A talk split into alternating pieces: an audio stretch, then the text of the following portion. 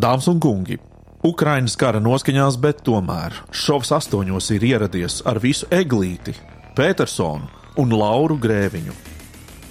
Paralēli nedēļas svarīgāko notikumu apskatam mūsu diena pēc veselība autors Kaspars Vendelis dos vērtīgus padomus, kā atveicināt sakarsušos prātus un nomierināt nervus. Twitter apskats un ierastais hedonistu stūrītis, tas viss jau tūlīt un tagad. Sagaidiet, Eglītis un Petersons.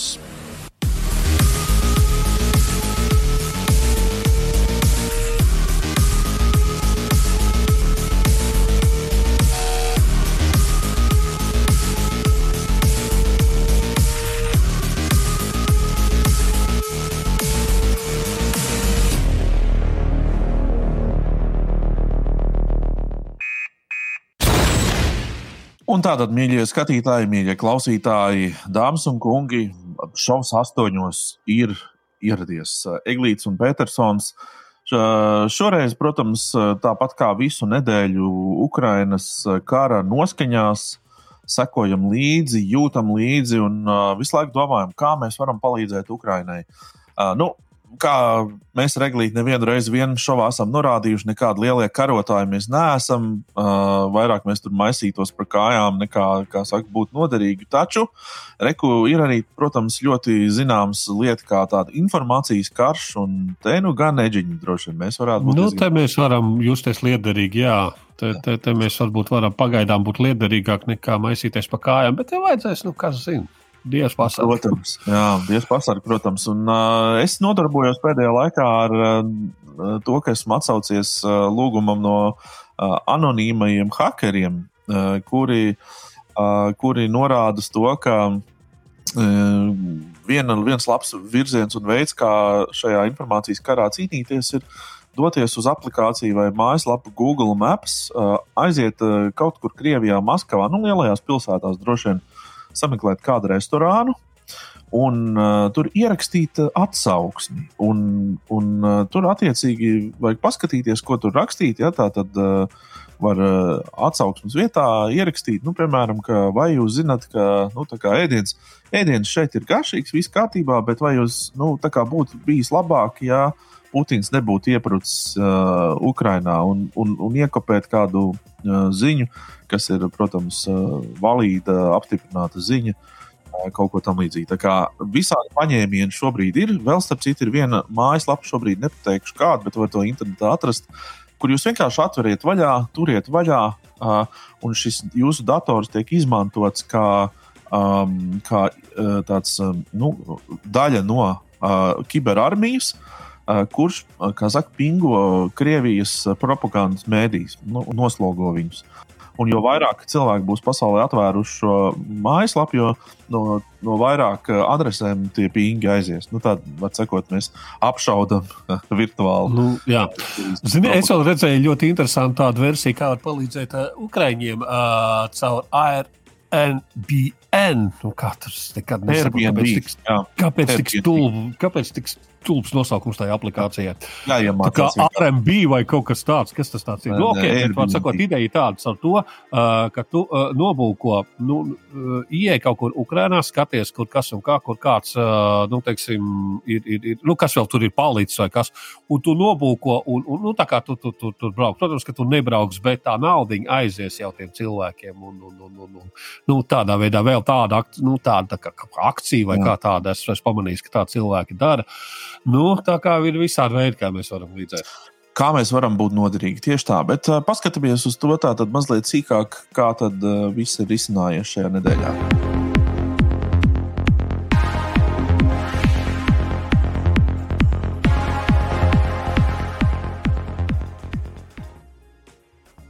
Latvijas parlaments, uh, protams, ir sanācis kopā un uh, šobrīd dažādi likuma grozījumi tiek veikti, lai uh, uh, Ukrainas iedzīvotāji, nu, sauksim, kā ir kara bēgļi, uh, varētu šeit Latvijā mitināties, strādāt, darboties, jo, protams, ka um, nu, mums ir ļoti interesanti dažādi ierobežojumi, kaut vai tik tālu, ka Ukrainas iedzīvotāji šobrīd nevar iet, piemēram, apsēsties kādā kafejnīcā, restorānā, pāriest, jo viņiem prasa certifikātus. jā, kur viņiem nav, viņus dzēna ārā no turienes līdz ar to. Nu, tad, tad, nu, protams, var saprast uzņēmēju, var saprast, saprast arī šos, kā saka, nelaimīgos cilvēkus. Un, un jā, bet tas, protams, ir.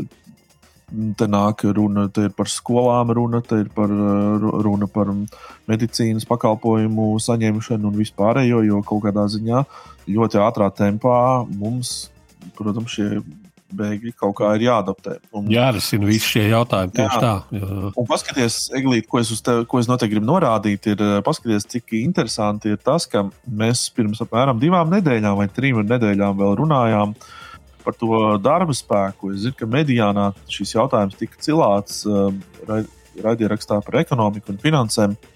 Uh, ka lūk, darba spēks no trešajām valstīm, nu, Latvijā nē, nu, tas nebūs tik ātri. Uh, ka diez vai parlaments kaut ko tādu atļaus, un politiķi droši vien tam nepiekritīs. Tagad ir vienbalsīgs. Visi arī nacionālā... nu, kā to nevar salīdzināt. Tas skaties, visa Eiropa ir pamodusies, pēkšņi ir kaut ko sapratusi, kaut ko ir iemācījusies. Tam miera laikos mēs ar to, protams, muļātos vēl, es nezinu, līdz 2050. gadam tur, tur, tur ņemtos. Un, un, un, bet tagad, kas notiek, nu tagad bišķī tā kā ir, ir, ir pasaule ir mainījusies. Ar, ierastā kārtība, nu nekas vairs nav tā kā pirms nedēļas vai divas. Nu, lūk, un uh, skatos, ka uh, parlaments arī vienojas, ka cilvēki no Latvijas var doties kā brīvprātīgie karot uz Ukrajinu. Un te es esmu redzējis dažādas atsauksmes. Uh, viena ir par to sajūsmā, cita atkal saka, ok, bet uh, ir problēmas. Es nezinu, es neesmu pieteicies, protams, kā skriet karot tagad uz turieni kā brīvprātīgais, bet es esmu redzējis, un tas ir no vairākiem avotiem, ka uh, Nu, Pirmām kārtām, uh, ņem līdz noteiktam vecumam, tātad līdz 40. Tiem ir priekšroka uh, jaunajiem cilvēkiem. Un, un, un, uh, un kaut kur es tādu informāciju, ka pašam vēl ir jāsameklē gan šaujamais, gan kaut kādas kā bruņu vestes un ekipējums. Un... Jā, es tā saprotu, jā, ka tev ir jābūt patiesībā jau Ukraiņa negaida, kuru katru pelmeni tajā. Mm -hmm. tajā kara laukā. Loģiski, ka viņi grib cilvēkus ar uh, kara vai vismaz kauju kaut kādām pieredzēm, un uh, tie noteikti ir kaut kādi iekšlietu.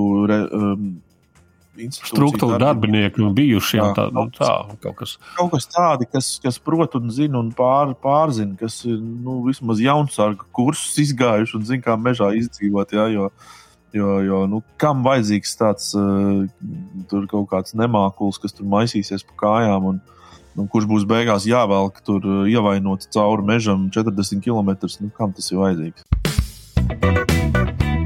Nu, Klau, nu, nedēļa sākās ar, ar, ar, ar, ar, ar nu, es gribētu teikt, tādu skaļu vētru, pašmāju popmūzikas uh, mazajā pīļu dīķītī. Jā, jā, jā. jā.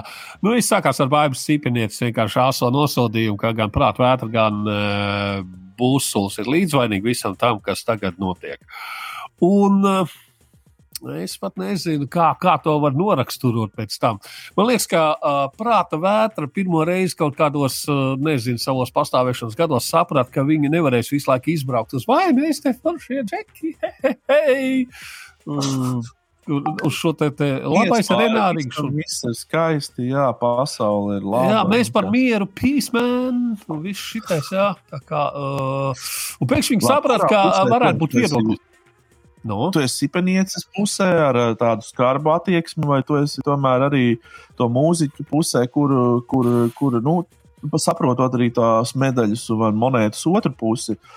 Ne, ne runa šeit ir par naudas pelnīšanu, bet šeit runa ir par tiešām sava darba darīšanu vienkārši citā valstī. Labi, uh, tas viss ir kārtībā. Tur, tur brauc, tu koncertē, tur tā. Bet uh, tad, kad es dzirdu, ka politika ar mūziku ir savstarpēji nesaistīta ar mākslu, nu, vecīt, nu, tā nekad nav bijis. Nekur nekad tā nekad. nav bijis. Nekad, jā. nekur tā nav bijis. Un, uh, ja viņi atnāk, ja prātā vētra pateikt, jā, nu, bijām, nu, nu, nu, bijām, nopelnījām savu naudu, tagad viss ir mainījies. Bet man besijā ārā tā divkosība, tā lavierēšana Tā, nu, mēs te atceļam, mēs jau pagājušajā nedēļā par to runājām. Ir nedēļa pagājusi, principā nekas nav mainījies. Un skaties, vēl kas notika uh, pēc tam. Uh, Panesās paziņojumu, un atkal Kauperīts raudāja mašīnā, un, un, un, un, un, un, un kas un kā, un ka viņš ir ļoti vīlies. Un, un viņš pirmo reizi apvēra realitāti, ka, uh, ka Viņi nevarēs izbraukt visu mūžu, mēs esam labi zēni. Jums ir jāpasaka konkrēti nostāja. Vai jūs esat pār vai pret tieši tāpat Krievzemē notiek, nu, jā, ar mumiju troļļu, jā, kur arī nu, nevar pateikt vai ko. Un tā tālāk. Tajā pašā uh, laikā Ukrāņu mūziķi ģitāras pēc automātiem ir nomainījuši. Kaut kā te, vai nu mēs tā, un tad mēs par Ukrāņu, un tad mēs pret, tā pašā uh, mikrofonu, uh, zelta mikrofonu pasniegšanas ceremonijā, kad prāta vētra bija, nu, nu viņi izstījās, ka viņi tagad uh, rīto. Mm, nu, to kamolu, tas nav kamols, bet kā Melners teica, to dzeloņu cūku. Dzeloņu cūku viņiem tagad ir jānorīt. Jā, nu, Patiesībā tas, tas... es nezinu, vai tu ievēroji, bet bija viens ļoti interesants uh, moments uh, šajā balvu pasniegšanas ceremonijā. Uh, visiem bija izdalītas Ukrāņu karoga krāsās prievītes, tādas, ko, ko nu, piesprāstīja. Jā, es un, uh, zālē, teikt, zālē mēs varējām redzēt, ka prāta vētrai šīs uh, lentītes bija piespraustas, viss bija kārtībā. Bet tad, kad viņi kāpa uz skatuves, tad saņēma balvu, arī viņiem bija tās prievītes, viss bija ok. Uh mhm. -huh. Bet tad, kad viņi uzstājās, tad tās prievītes bija noņemtas. Visiem pārējiem bija, viņiem nebija. Un kāpēc? Tāpēc, ka ļoti interesanti. Neviens jau nekur pasaulē neredzēs to, uh, kā viņi uzkāpa un saņēma to balvu, un kā viņi Jā. sēdēja zālē. Tā, tā. Tur neviens nekad nerādīs. Bet šo izgriezumu, kur viņi uzstājas, to potenciāli teorētiski var kādreiz vēl kaut kur parādīt. Tad, ja redzēs, ka tur būs tā pievīta, tas pievilks klātam laikam, tai sajūtai, un ka tu tomēr esi bijis ar tiem atbalstītājiem, un, un, un, un viņi ir noņēmuši to visu. Un zinātāji cilvēki man mācīja teikt, ka arī aizkulisēs, kad, kad visi mākslinieki, kur parasti, kā saka, tusē kopā un tā, nu, viņi esat bijuši nostākuši tādā savā bariņā un, un, un nav komunicējuši. Jā, jā, jā. Man arī ziņas no aizkulisēm tieši tādas pašas ienāca. Jā, jā, tā, ļoti, ļoti, ļoti dīvaini. Jā, jā nu, labi, Dievs ar viņiem. Nu, uh, bet, uh, es, ja nu kāds ir sev idiots uztaisījis. Nu. Jā, es, es tieši gribēju pieminēt, paldies, ka tu ievadīji šo tematu. Um, okay kā, tajā laikā, kad uh, Ukrainas slavenākie boxeri, ja, Kličko brāļi, Usiks, uh, ja, uh, un, un, un tā ņem rokās ieročus, velk formas un dodas kaujas laukā, kāds cits boxers. No netālu uh, valsts no Ukrainas ir uzvilcis uh, Mario tērpu, uzlicis sūsiņas, uh, dīvainu cepurīti un uh, piedalījies uh, preses uh, pasākumā uh, kur, protams, ir atkal darījusi, nu, kā saka, godu savai Jā, valstī. Godu. Bet viņš jau nesaka arī tur tam bokserim mm, mm, mm, to, to, to, to McDonald's paciņu tā. Burgers. Tajā brīdī, zin, tas bija tāds baigi, baigi vēlā naktī, jau bija uh, ziņu līnijās, bija šķīt arī tāds ziņu junkijs un tā, tā sako līdzi. Un tam no sākuma pat nepievērs uzmanību. Es domāju, labi, tas ir atkal kaut kāds fakes, un tas tekš, kaut kas tur ir safotošopēts, kaut kāds ir uztaisījis kaut ko. Es godu vārds no sākuma nenoticēju, ka cilvēks var būt tik teikšu, kā ir atsaldēts. kas, kas Zini, kur ir tas moments? Tas moments bija tāds ka viņi bija izdomājuši taktiku, ka viņi tā darīs, nu, un tā tālāk. Tā tālāk. Un tad sākās karš, un viņi noignorēja šo faktu, ka ir mainījusies pasaule. Un viņi vienkārši iet un, un, un pilda savu iepriekšējo plānu. Nu, tas ir tā, tā kā mēs būtu iedomājušies, ka mēs kaut ko nākamnedēļ darīsim. Sākās karš, un mēs joprojām to darīsim. Nu, nedomājot par to, ka vajag kaut kā pieskaņoties situācijai. Nu, tad līdz ar to tu sev parādi kā ne tikai muļķu un idiotu uh, uz pasaules skatuves, bet arī, tu, protams, tu savu tautiešu vidū gūsti, kā saka, popularitāti. Jā. Skaties, kas vēl notika. Kaut kādā brīdī pēc tā brīža uznāciena parādījās informācija, ka viņš Instagram un sociālos tīklos bloķē tos, kuriem ir Ukraiņas karodziņš, kā atbalsts pielikts. Un, kurš, un tad sākās tāda masveida tā kampaņa. Es arī piedalījos, Laura arī piedalījās, cik es redzēju, ka komentēja Instagramā zem brīža, tur tās, tās, tās, tās jebkuras bildītas, tur palicis iekšā slavu Ukrainai un tā tālāk pielika Ukraiņas karodziņu. Nu, redzēt, bloķēs vai nenobloķēs. Pirmos viņš laikam vēl paspēja bloķēt. Tur daudz teica, o jā, tieši tā arī ir. Es aizrakstīju viņam, viņš man nobloķējis, ja tagad stots tīklos. Man nenobloķēja, Laura, es saprotu, arī nenobloķēja. Mēs vienkārši trāpījām tajā ešalonā, kur viņš izdomāja, ka viņš būs neitrāls, un e, kur viņš paziņos, ka viņš ir pret karu, bet tomēr ar Latviju ietinās Latvijas karogā, un tur, un, un, un, un, un ko tikai ne Un pēc tam vēl atkal, kas viņiem visiem ir ar tām uzrunām mašīnās? Tāpēc, ka viņi negrib, lai neviens cits dzird, mašīna ir neitrāla teritorija, kur tu esi pats ar sevi. Jo, ja tu esi kaut kur istabā vai telpā, kāds tev var klausīties, vai uz ielas, eh, vai kā tu gribi būt mašīnā, pats savā telpā, un tad to, to izrāda. Tas ir sliktais lokus, visi šie tie, tie, tie gobzems, kivi, brīvs, tagad busulis, prāta vētra. Nu, kas notiek? Nu, jā, un, un, un, un, un, un, un tā kā attieksme nu, kaut kāda, un tad vēl tā pēc tam tas, tas, tas foršais, ka, uh, ka viņš vēlreiz skaidro to savu uznācienu tiem, kas nemāk lasīt un tā tālāk. Un, un, nu, Jā, nu, labi. Skaidrs, skaidrs ir viens, ka tas skaistais, jaukais laiks, kad mēs visi bijām vienoti par uh, Maija Briedi viņa cīņās, un kur viņš uh, skaļi deklamēja, ka tauta ir viņa, viņa dopings un, un, un kas tik tur vēl nē, tad uh, šis laiks ir pagājis. Šķiram, kā saka, jaunu lapu. Mums ir jauni varoņi, jauni influenceri, viss kārtībā. Jā, es pavisam īsi gribēju varbūt mm, uh, ieskicēt mazliet arī mūsu skatītājiem un klausītājiem tādu uh, pārskatu par to, ko šajā nedēļā esmu darījis un, un veicis saistībā ar um, tādu novērt, ekonomikas novērtējumu, ekonomikas situācijas novērtējumu. Jo vadot raidījumu un veidojot raidījumu mediānu, uh, protams, ka es ļoti gatavojos. Uh, skatoties, kādas ir sankcijas pret Krieviju, šobrīd ekonomiskās un finanšu sankcijas, un kā tas potenciāli varētu atsaukties uz Latvijas tautsēmniecību. Un es varbūt, ja tā atļauju, ieglīt pavisam ātri, uh, varētu būt jā, tādu mazu, mazu kā saka, pārskatu par to visu. Protams, ka nu, tā tad pavisam īsi sakot, Krievijā šobrīd ekonomika iet, pat neiet, viņi krīt, krīt stāvus, stāvus zemē. Krievijas ekonomika ir liela ekonomika, lai gan nevajag arī ļoti pārspīlēt. Nu, pēc būtības viņa ir tāda tā tāda Spānija nu, tas nav gluži tā, ka, lai arī valsts ir ļoti liela, ekonomika viņiem tomēr ir tāda haotiska. Um, vēl kas ir ļoti jāsaprot šajā brīdī, ka uh, viss tas saraksts, ko jūs redzat, visas tās kompānijas, kuras jūs redzat uh, šajā sarakstā, pagaidām nav šie ļoti lielie īpašie spēlētāji pasaules uh, tirgū. Tie vairāk vai mazāk ir tādi Protams, Apple, Apple tur ir tajā sarakstā, bet tajā pašā laikā, nu, kas ir Apple? Apple ir uh, produkti, kurus pērk jauni, turīgāki cilvēki. Tātad, ja mēs paskatāmies uz to produktu, nu. jā, tieši precīzi. Tātad visi šajā sarakstā esošie uzņēmumi pārsvarā ir tādi, kas ietekmē modernu ekonomiku.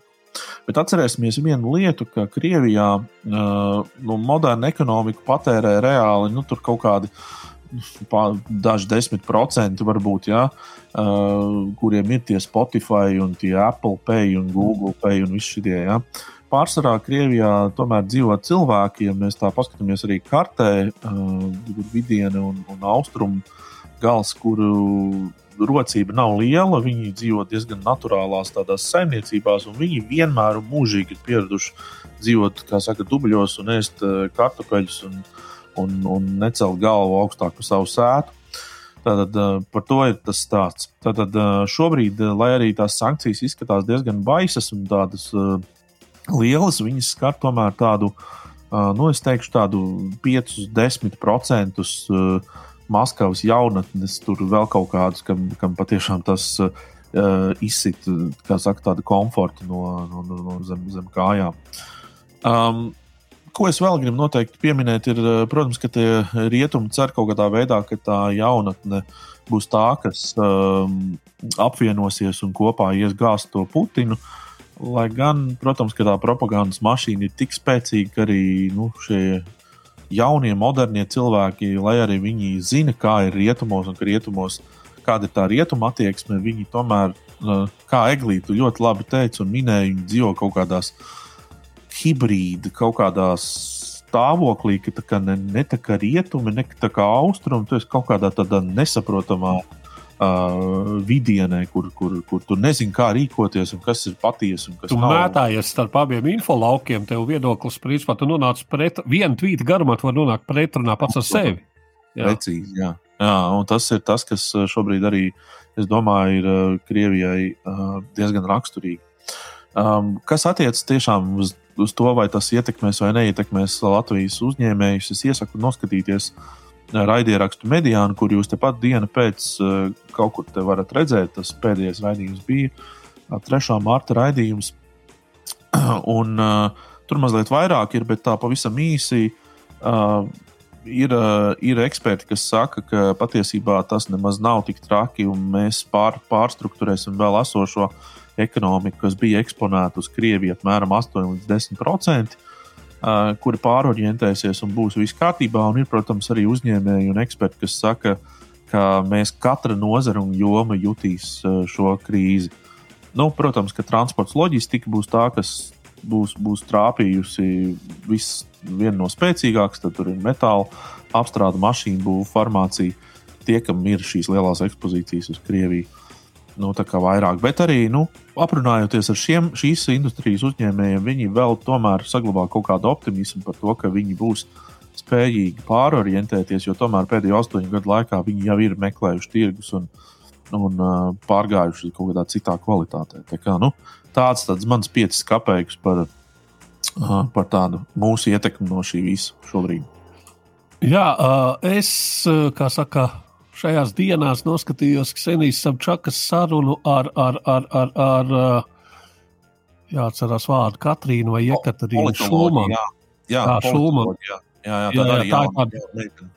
Viņai, para, nu, viņa paralēli viņa bija arī viņai bija tā, tā saruna ar to ekonomistu. Ekonomistu, jā, to es redzēju. Nu, jā, un, un, un, nu, kā tev saka, nu, tu tādu optimismu ievērs uz visu to, jo uh, Mm, tur ir, nu, Krievijai, tur, protams, būs bezcerības. Tur man patīk tas tie rūktie joki, ka tas, kas ir, tagad tiniet savu iPhone lādētāju, jauna nebūs. Jā. Lieciet atpakaļ uh, televīzijas pultis. Patiesībā strūns par to, ka jauni nebūs Apple. Es zinu to, ka Baidena administrācija ir zvanījusi Google un Apple un lūgusi, mm -hmm. lai atslēdz Androidus un iPhones no grida. Vienkārši nu. Nu, Jā, tas nozīmē, un, ka viņi pārvērtīsies pa ķieģeļiem, tie, tie, tie, tie telefoni. Viņi nebūs lietojami. Nu, un, un, un, jā, tas var, varētu būt kā sankcija viena ļoti nu, nu, nopietna. Ne, vispār, arī vispār par to civilo aviāciju un viss, kas, kas ir iznīdēta. Tas jau viss. Nu, kā tu domā, cik tas uz mums baigi atsauksies? Nu, kaut ko mēs jutīsim, bet, uh, nu, kā lai saka, nu, vairāk ir bēda tajā otrā pusē priekškarā. Tas būs nu, pārdzīvojums. pārdzīvojums. Mēs kaut kā iztiksim, nu, kaut kā nebūtu. Jā, es zinu, protams, pūkstens, bet, bet skaties, nebūs tik sūdīgi kā visām tām Krievijas vieglās uzvedības dāmām, visos OnlyFanos un visos citur, kurām nogriez nos. Nu, viss. es esmu redzējis kaut kādā TikTokā, es nezinu, vai tagad vēl ir vispār viņā pieejams kaut kas, kaut kāda tīkla, kur čīkstēja, ka nu, raudāja reāli, nu viss, nu ko tagad darīt? Nu, viņām atbild vienkārši tīri cīniski, nu neko būs jāiet uz reāli paneļu stāvēt. Tā kā, nu, tādā situācijā jūs tur esat. Tad viena kaut kāda vana bija mūziķa. Un viņai saka, kādu paklau, bet tev taču ir kaut kāda tur albumu, kas viņam saka, bet es taču no to neko nepelnu, nepelnu.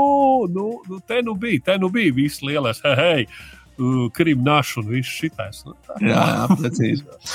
Labi, es domāju, pieķersimies uh, tematam, kur uh, es domāju, arī šajās dienās daudziem cilvēkiem ir aktuāls, kā nomierināt sevi Jā. uh, un kā tikt galā ar tādām savām sajūtām. Jo, nu, zin, kā sēdēt visu laiku pie ekrāna, lasīt tās ziņas, ir arī diezgan depresīvs pasākums. Diezgan, diezgan var uzvilkties, jā. Nu, tā, tā, tā. Jā, tāpēc mums būs viesis, Edgars, izstāst, kurš kā, kā, kas pa viesu mums ir. Mairis Briedis. Nu, ne?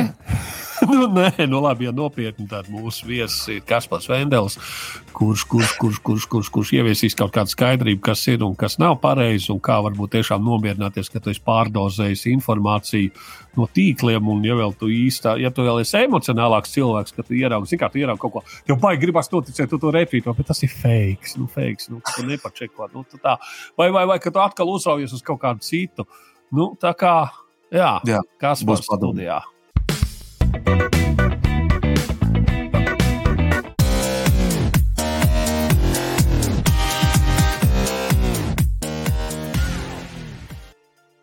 Un tas ir viņš, Kaspars Vendelis. Sveiks, Kaspar! Čau, čau, veselību visiem! Paldies, paldies! Kā, paldies. Tu, kā tu tiec galā ar, ar savu? Es gan teikšu, droši vien mentālo veselību. Tā, sāksim ar to, sāksim ar svarīgāko. ok, Redz, tieši, tieši pieminēja vārdu mentālā veselība. Nu, manā ieskatā daļa, daļa problēmas, kāpēc mēs šodien saslēdzāmies un lai runātu par to iekšējo mieru un par to, kā tikt galā ar kaut kādām situācijām, kurās, kurās nu, nākas pārdzīvot, būt aizkaitināmam, varbūt dusmīgam, kādreiz bēdīgam un tam līdzīgi. Ir daļa problēmas ir tas, ka mēs baigi fragmentējam šo mentālā veselību, emocionālā veselību, fiziskā veselība. Tas viss ir nenormāli saistīts. Un tas ir tik ļoti saistīts, ka nu, tas, tā, tā skatīšanās tagad ir mentālais, ja tagad es domāšu kaut ko. Ja? Un tagad pamēģini kaut ko izdomāt tā, lai izdomā sev, piemēram, nogurumu aizdomā projām. Vai aizdomā dusmas sev projām. Nu, tas, Jā. tas baigi nestrādā. Ne? Un tāpēc eh, šeit stāsts ir drīzāk par to, kā, kā savienot tās visas lietas un redzēt kā vienu veselu. Un, un, un tad, piemēram, ir tā, nu, teiksim, iedomājamies, viss ir kārtībā. Pasaulē ir miers, nav covid, nav kara, nekas nav. Ja? Un tu sēdi pie sava darba galda, pie datora, tev ir uh, tev ir pēkšņi, tu skaties, ienāk 15 e-pasta vienā minūtē. Uh, un tad tu redzi, bērns zvana, ja tev, bet tu tur kaut ko dari, nepacēl. Skaties, viņš jau septiņas reizes tev ir zvanījis, tur neatbildēties zvani, tev jau panika sākās. Jā, nemaz kāru nevajag. Jā, un skaties, tev tur pēkšņi sāk jau kaut kas, kaut kas iet pāri, vārās katliņš, tur kaut kas iet pāri. Un, zin, kā, un tu tā cā, cā, cā uz visām pusēm skaties, kas notiek. Tu vairs nesaproti, ko, ko darīt. Ja? Un tajā brīdī tevī iezogās stress. Īsnībā, kas notiek, kas stress tev ir iesaistīts nevis tāpēc, ka viņš tev grib izdarīt pāri, bet tāpēc, ka, lai tu spētu tikt galā ar tiem ienākošajiem signāliem, tev ir vajadzīga enerģija. Un stress nav nekas cits, kā ķermenim piegādāt enerģiju. Bet problēma saglabājās, zin, kad, kad tu paliec sēdēt pie tā sava datora. Tevī sāk nenormāli piepildīties ar enerģiju, tu sāc izjust kaut kādu trauksmanību, bet tu paliec pie datora un tu vēl mēģini sev pateikt, tev, kas ar tevi notiek. Tu sāc domāt par mentālo veselību. Ja?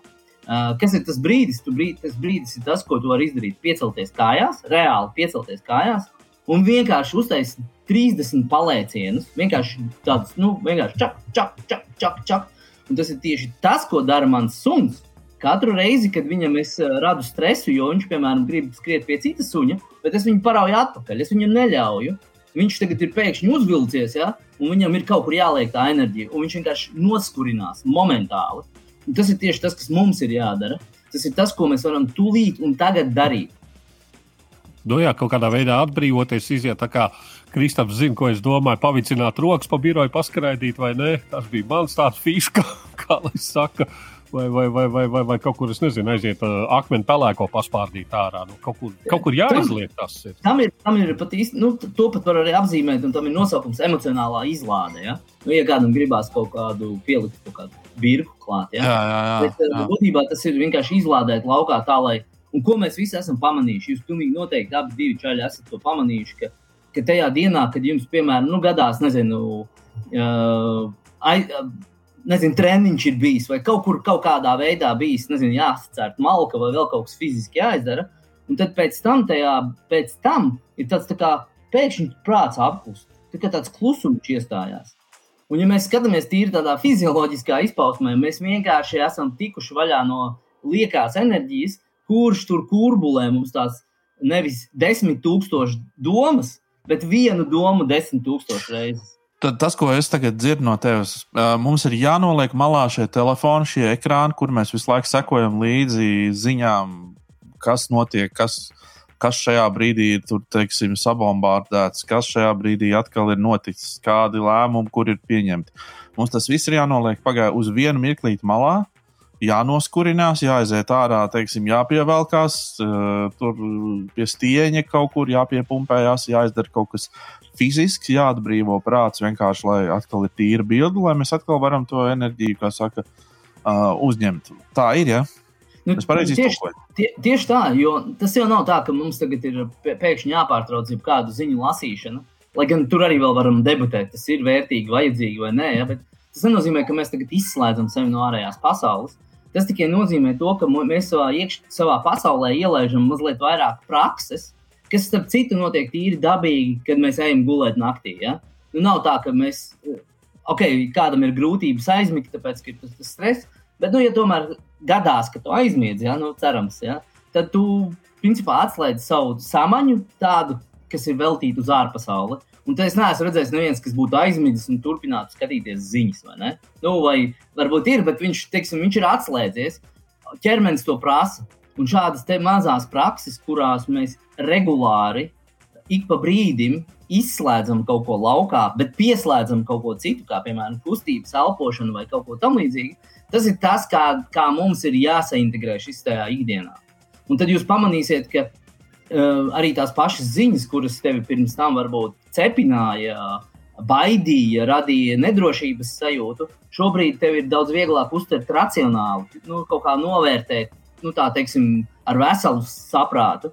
Jo tas, ko mēs arī pirms tam runājām, kad saslēdzāmies visu dienu pēc uh, autora, ja, es tur tieši šo te arī pieminēju. Nu, kad, tad, kad, teiksim, Ukrainā viņiem ir šobrīd ir situācija, un tur vairs nevienu neapmāca. Nu, tā kā ņem šauteni un ej. Ja, tā, vairāk, mācības ir beigušās. Šis jau ir tas, šis ir tas eksāmens. Uh, mums šobrīd ir laiks uh, sagatavoties, jo nedod Dievs, mums pienāks tas eksāmens, un tad mēs esam gatavi. Un kā, kā kāds gudrs cilvēks teica, ka, ja tu gribi mieru, esi gatavs karam.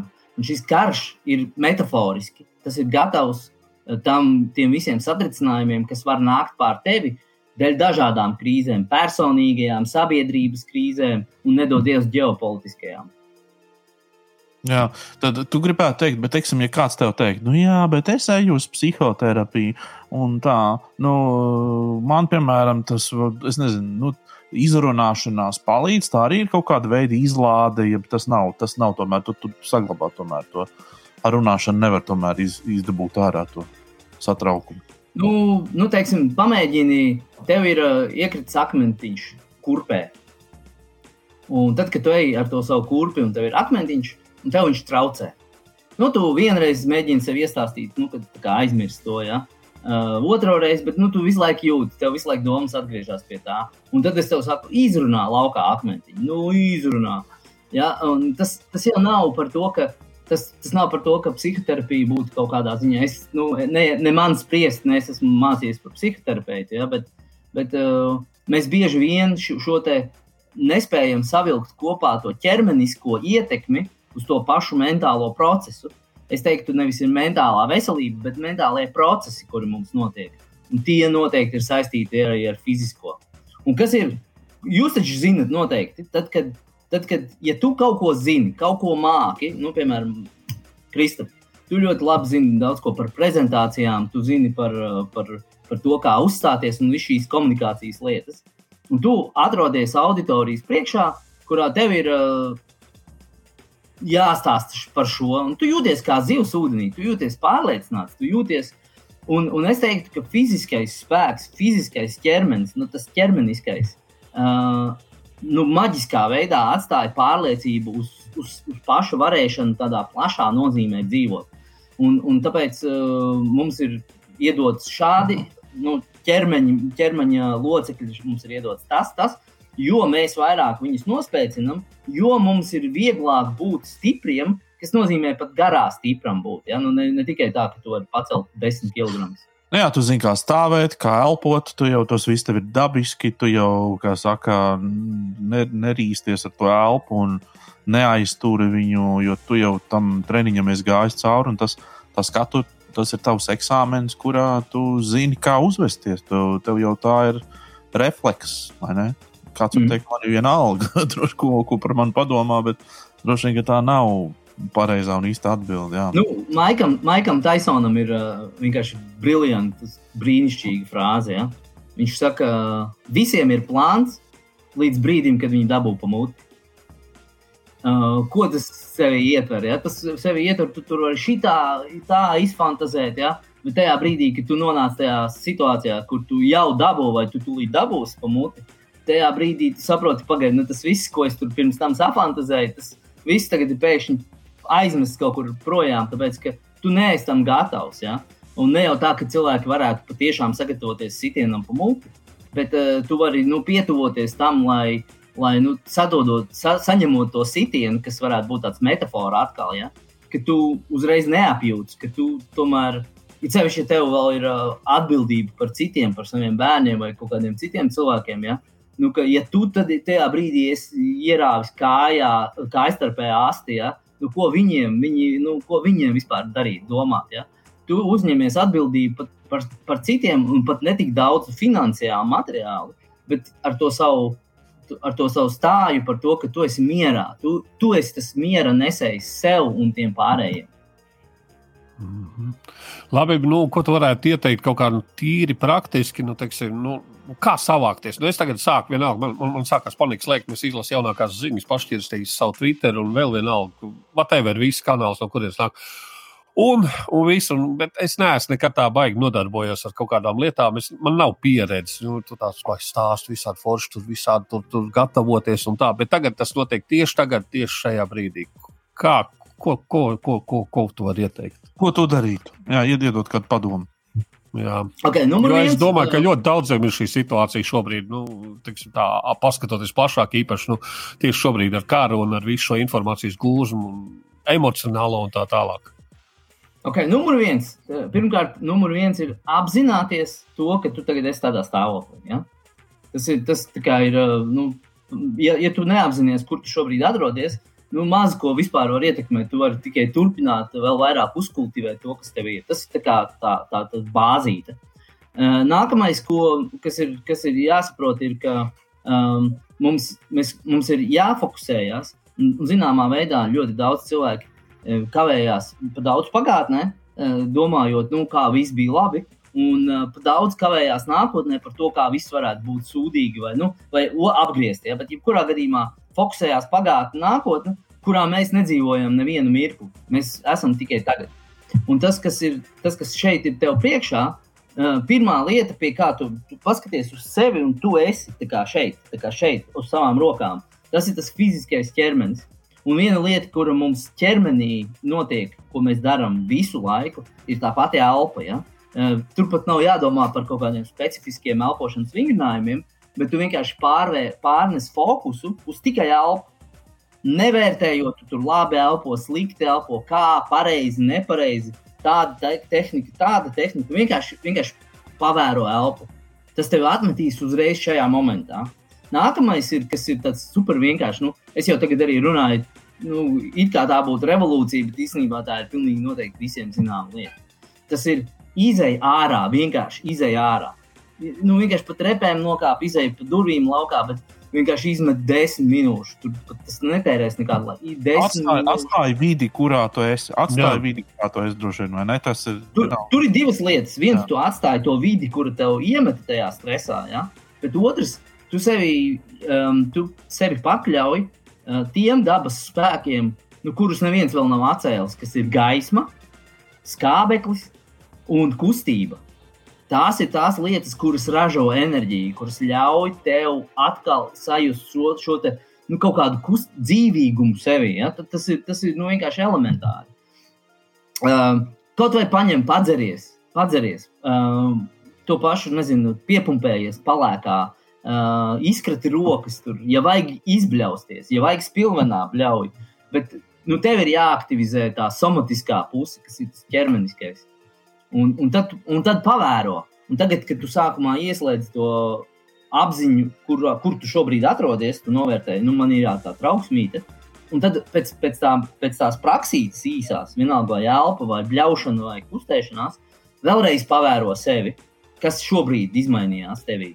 Vienkārši, un atkal bez vērtējuma, neko nevajag vērtēt. Tur nav labi, slikti. Ir kā ir. Un pamēģini saskatīt atšķirības. Un tādā veidā tu pieradināsi, iedos to ķermenisko pieredzi, kas ļaus to arvien vairāk un vairāk integrēt uz priekšu. Tas nu, tāds nu, vienkārši fenomenāli vienkāršs lietas. Mm. Super. Es īstenībā tieši to arī gribēju dzirdēt no tevis.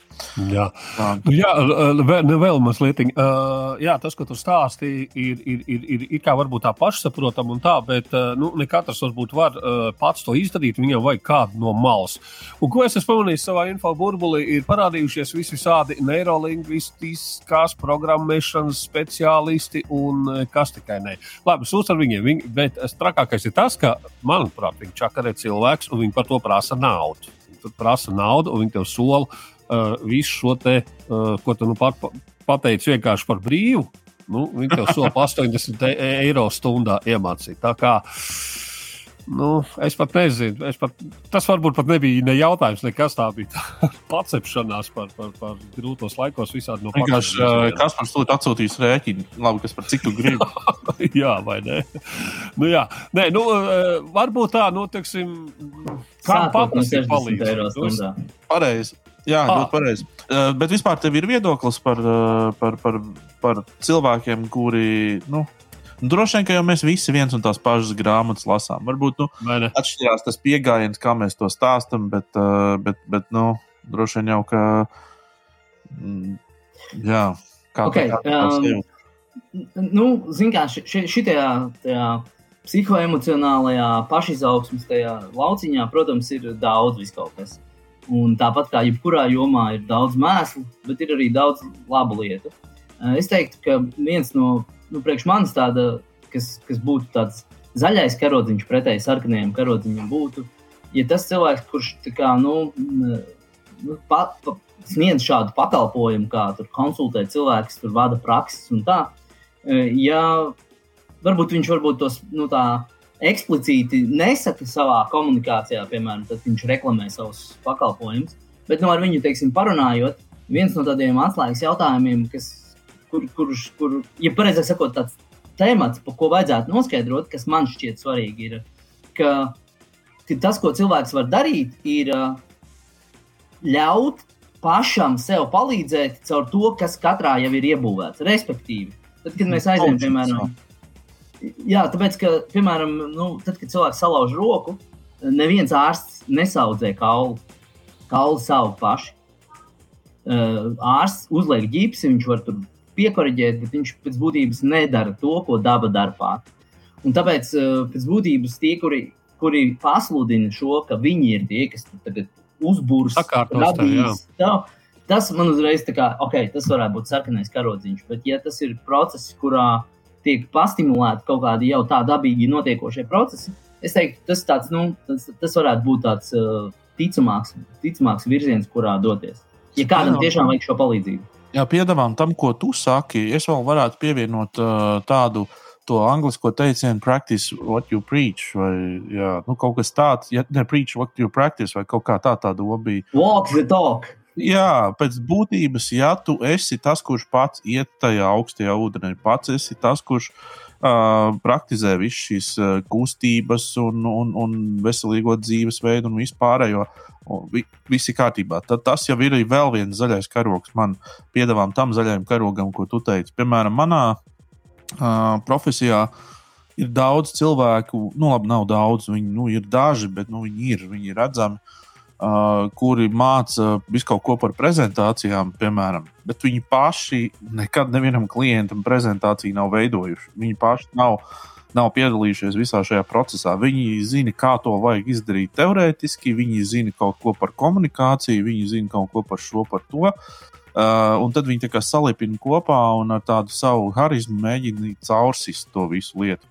Bet tā, tā lieta, kas ir vajadzīga tieši nu, no profesionāļa, ir tas, ka uh, viņš ir bijis tajās situācijās, viņš ir redzējis to, to, to, to virtuvi, to visu. Viņš tur ir darbojies, un jo ilgāk, jo labāk. Jo tad viņš zina, kāda tā drēbe ir visa. Ja?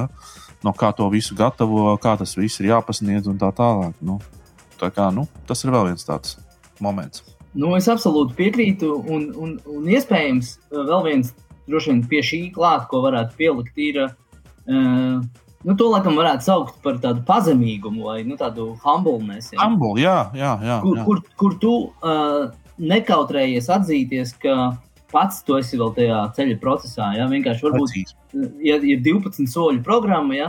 uh, ir vienmēr būs kāds, kuram, kurš vai nu nav sācis, tu esi pirmajā solī, piemēram, ja? uh, tu, tu to arī saki, es esmu pirmajā solī.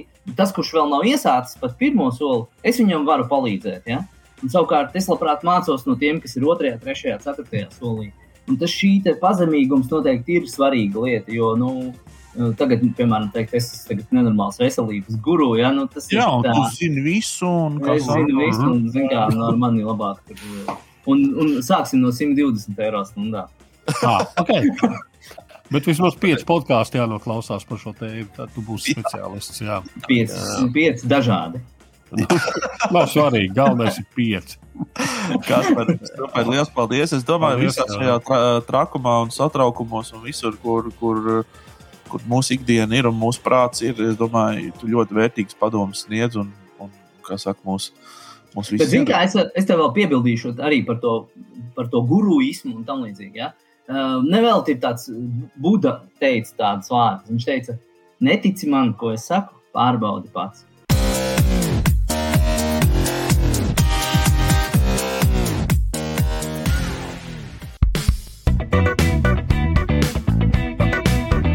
Tagad uh, viss ir sadalījušies kaut kādās daļās. Citi stāv rindās IKEA vai ne? Citur, citur stāv vēl kaut kur un, un, un stāv pēc ieročiem rindās, lai varētu dabūt un doties atpakaļ. Cits stāv piketā. Katrs, katrs kaut kur stāv šajās dienās, man liekas. Ne? Uh, kādas tev, Laura, sajūtas, kur tu stāvēji šonadēļ? Es stāvēju par Ukrajinu.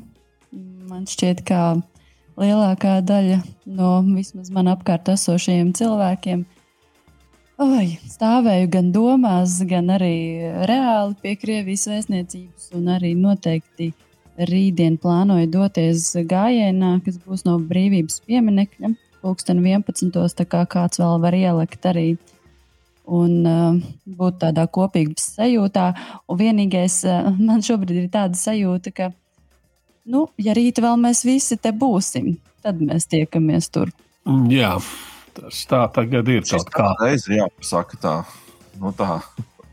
Mm -hmm. bet, uh, jā, bet vispār tu, tu kaut kādā brīdī šonadēļ nu, varēji par kaut ko citu padomāt, kaut ko paskatīties, palasīt, paklausīties bez vispār ziņām, vai, vai tev arī ar to bija grūtības? Mm, nevarēju neko padarīt, un ir ļoti grūti vispār pieslēgties kaut kam. Noteikti, ka tad, kad mēs iesim cauri savām lasām un skatām vielām, tad arī varēsim pakomentēt, kā mums ar to gāja. Jā, Teikšu, kā ir. Teiksim, es pat savus zīmējumās lietas neesmu pieķēries pēdējā nedēļā, jo kaut kā stipri pie kājas palika. Vai tur ir uh, zīmuļa lielums 0,7 vai 0,5 vai, vai, vai patērns ir 60 un tā tālāk. Ja. Par lasām vielām pārsvarā kaut kas tāds no drukātās, mm -hmm. un, protams, miljonus vēl visādas lietas, kas ir. Kas ir, kas ir internetā kaut ko. Nu, jā, es, nu, tā ir pasākums pievērsties Krievijas propagandas materiālu pētīšanai. Un, oh, jā. Liela interese to tagad dara pēdējās dienās. Nu, kaut gan mums arī ir aizslēgts viss ciet, nevar tā vairs nemaz tik brīvi piekļūt.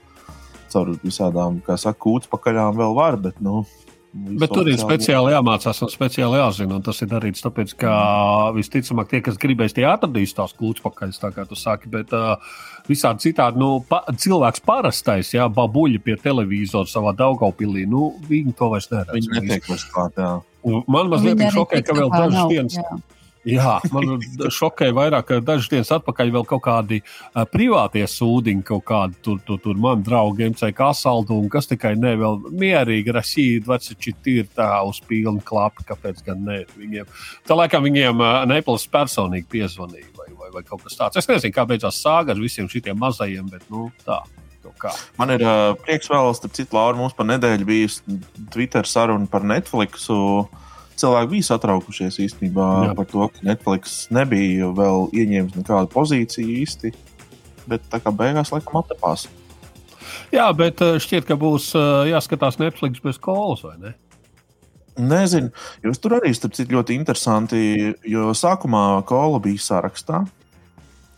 Uh, tad viņu no saraksta, tajā sarakstā, sankciju sarakstā, pēc tam viņi no tā saraksta pazuda. Ceturtdien Un tagad viņi tajā sarakstā ir atpakaļ. Tā kā viņiem, man liekas, ka tur ir kaut kādas uh, reģionālās uh, problēmas. Viņi paši nevar sakoordinēt to viedokli. Viņi tur ir tajā tirgu, nav tajā tirgu, tā īstenībā nevarēja saprast. Tagad tie viedokļi vēl ir, vēl ir konfliktējoši. Šo es vēl pārbaudīšu, un es noteikti nākamā nedēļa vai nu atvainošos par savu tvītu, ka es boikotēju Coca-Cola, vai arī. Es jau retvītoju tavējo un vēl Lauru Reiniku, tā kā mums visiem rindiņā būs jāatvainojas. Bet uh, nevar nav. Jā, bet jā, tas jā, jā, laikā ir nu, tas, no kā mums ir jāuzmanās, ka mēs tik drausmīgi ātri saņemam ziņas un uzreiz reaģējam uz viņām. Uzreiz viss Netflix kancel, pat nepārbaudot. Un pat pat arī par ne tikai par tādām kancelēšanas lietām, bet arī par palīdzību, kas ir nepieciešama cilvēkiem. Kāds kaut ko ieliek, mēs uzreiz tur retvītojam, beigās izrādās, ka tur nemaz nav vajadzīga palīdzība. Tā kā, ui, ir baigi uzmanīgiem jābūt. Jā. Ļoti pareizi, Lorija. Vairāk vai mazāk tas jau arī tā, tā kā šīs dienas tēma viss tā, tā caurvījās kaut kādā, zin, nu, kādā zināmā mērā vistiešākā mediju prātība un, un, un, un, un vispārējais, un, un, un kas, ko, ko mēs dalāmies un kā mēs pārbaudām ko mēs redzam paralēlajā info telpā, un kur tikai vēl nē. Jā, kā, nu, ne, jau, ne jau mēs tāpēc ar Petersonu ielīdām pagājušajā nedēļā bišķīt paskatīties Krievijas propagandu, kamēr vēl tā bija plus mīnus pieejama. Ne jau tāpēc, ka mēs vai vai vai, jā, bet vienkārši redzēt, no kā, a, a, a, kur visām aug kājas. Nu, tur tur maz neliekas. Bet, uh, nu, labi, es domāju, mēs par to vēl parunāsim. Jā. Bet, uh, nu, jā, es domāju, ķeramies klāt lietām.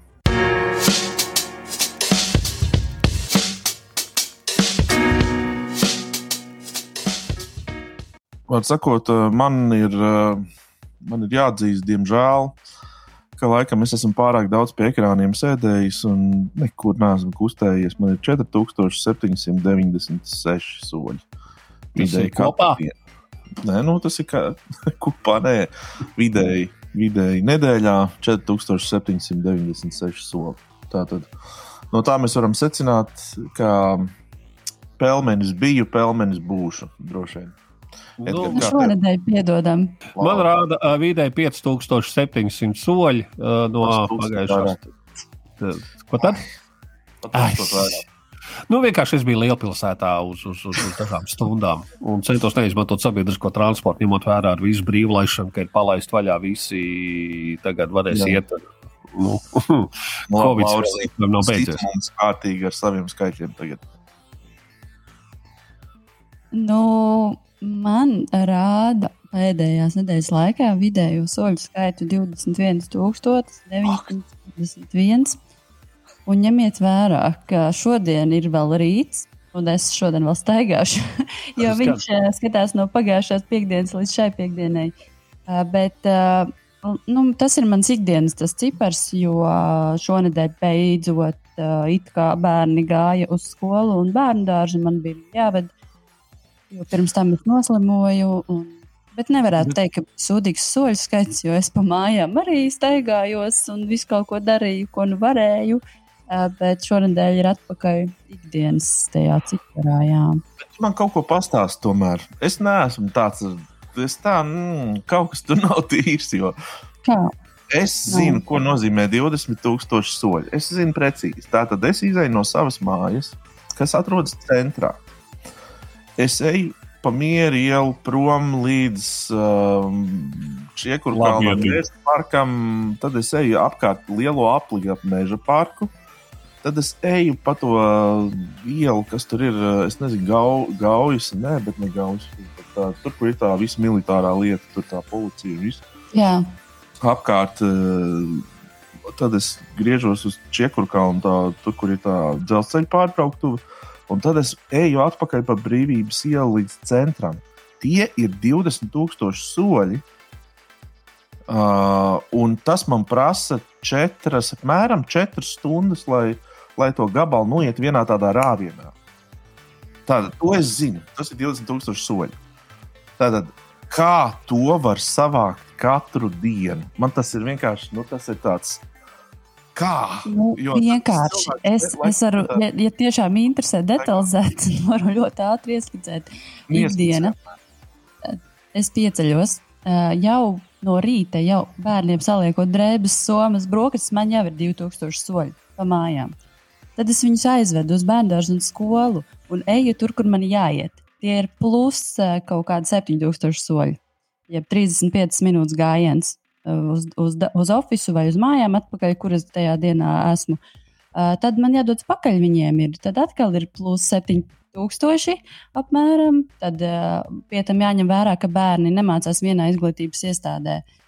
Ir skola un ir bērnu dārzs, un man ir, uz skolu. Jāatved mājās, jāiet uz bērnu dārzu, jāatved mājās. Viss tā arī savācās. Un tas nav tā, ka es četras stundas no vietas staigāju. Tas ir pa pusstundiņai. Dienas laikā savācās, un um, jā, nu, ar bērniem es nelieku staigāt ar sevi tur ar kājām uz mājām, iet no, no centra uz Čekuru kalnu, bet man pašai tas, tas nav liels gājiens. Nu, jā. un tajā laikā es gatavojos kaut kam vienmēr tā jau es varētu staigāt, bet laika ir tilpīgi. Man ir jāno, jānopērk tas, uh, ko es uz, uzlieku to galdu augstāk, šī te tāda tā, pacēlā, es tur lampu nogāzīšu.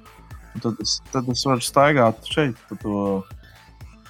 Nu, jā, nu, un vēl es gribēju atgādināt, atcerieties, Kristap, cik liela māja ir Laura. Ja viņi neko nedarot mājās, noslēgā desmit tūkstoši tā kā. pa māju viens. Vienkārši ir bērni prasīgi. Nu, protams, varbūt, jā. Izlutināti paši neko nenes. Tas taču nav piedodams, jo es zinu, kur tu dzīvo. Un es zinu, no. cik plašas iespējas tev ir staigāt. Tu vari, tev tur ir, vai dienās, tur ir. Nu, ko tu gribi, lai es vēlreiz aizēju uz veckuldīgi, arī šodien apciemot zirgus? Tev no, es noteikti rīt no rīta ir jāpiet apkārt kuldīgai, un vakarā ir jāpiet apkārt. Vakarā, atpakaļ nākotnē. Es to nu, daru. Kaut kā tā, kaut kā tā cenšas tā reizēm darīt, bet nu vienmēr sanāk. Labi, es neataisnojos. Okay.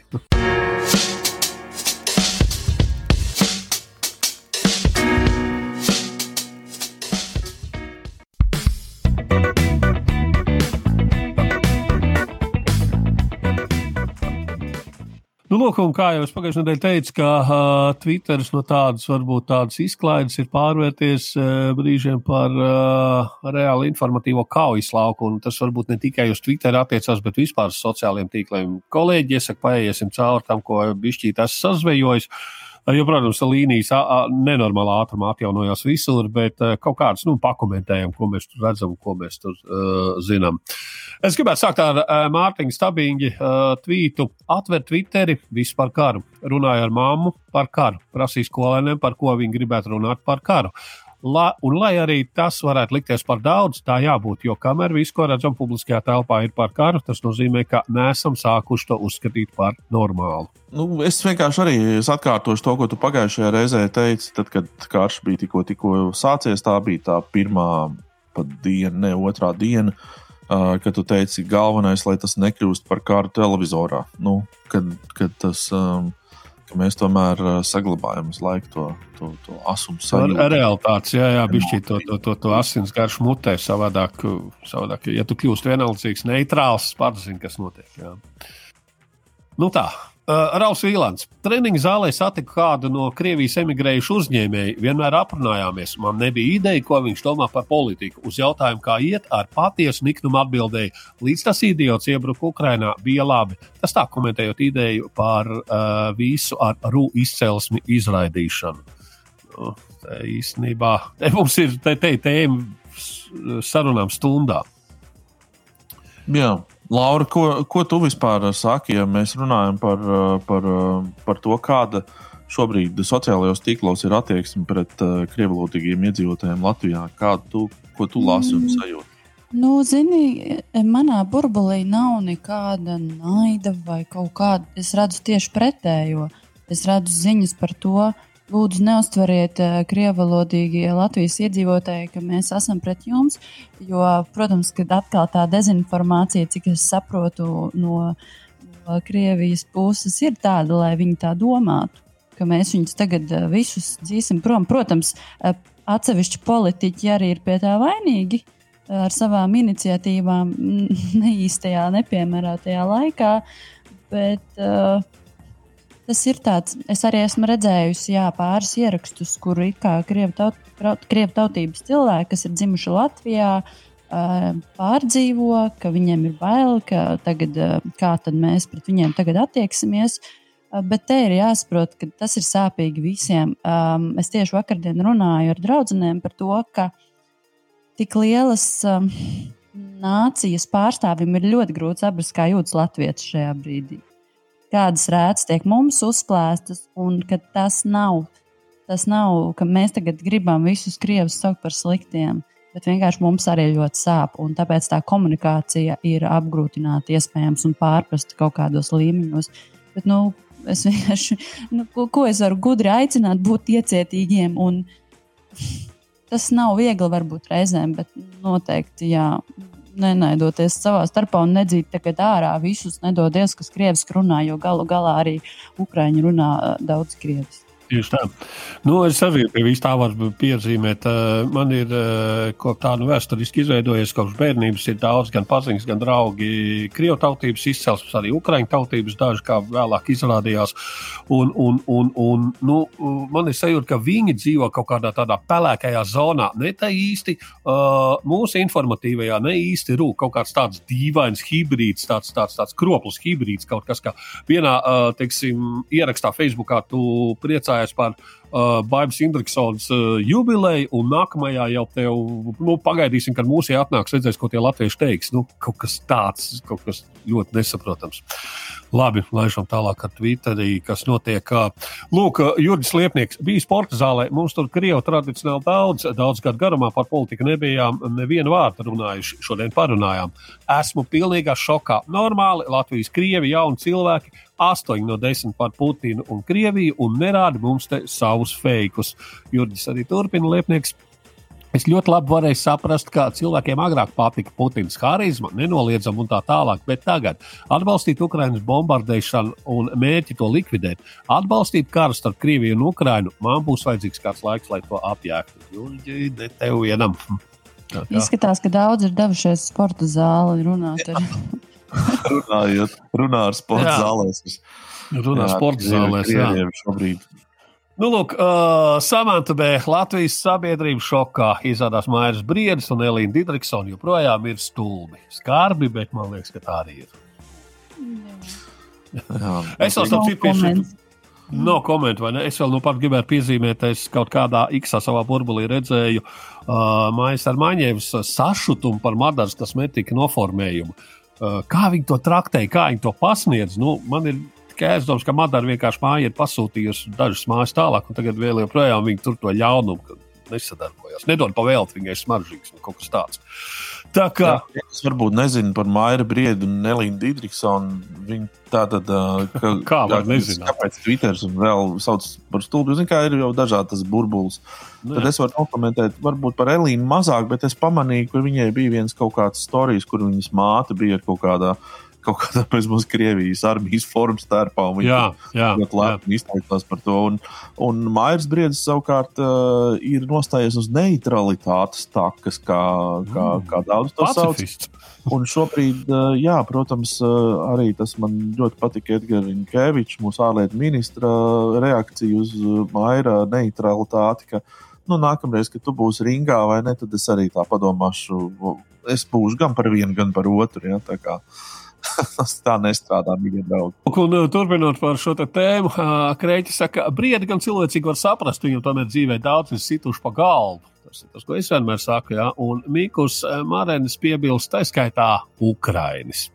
Tavs pieminētais Edgars Enkevičs, kurš atbildēja uz šo visos tīklos, gan Twitterī, gan Facebookā, ja turpmāk vērojot boxes sacensības, es nenostāšos nevienā pusē. Nu, tālāk, vai ne? Uh, Uh, Ansa Tārvida, paldies visiem, kas izpirka sāla veikalos, jo noteikti dosieties plikām rokām medīt briežus, kur gaļu iesālīt, lai ilgāk saglabātos. Atcerieties tos apēst kopā ar tiem pieciem kilogramiem grīķu, kas pēc diviem gadiem droši vien joprojām stāja plauktiņā. Nu, goda vārds. Uh, uz ko Clash Clash piebilst, vēl jau jābūt sāls krājumiem, ko izpirkt pirms iestāšanās Eiropas Savienībā. Klau, es neesmu novērojis, varbūt es vienkārši neesmu veikalā bijis pēdējās pāris dienas, bet uh, tiešām izpērk uh, sāli. Atkal, esot, jā.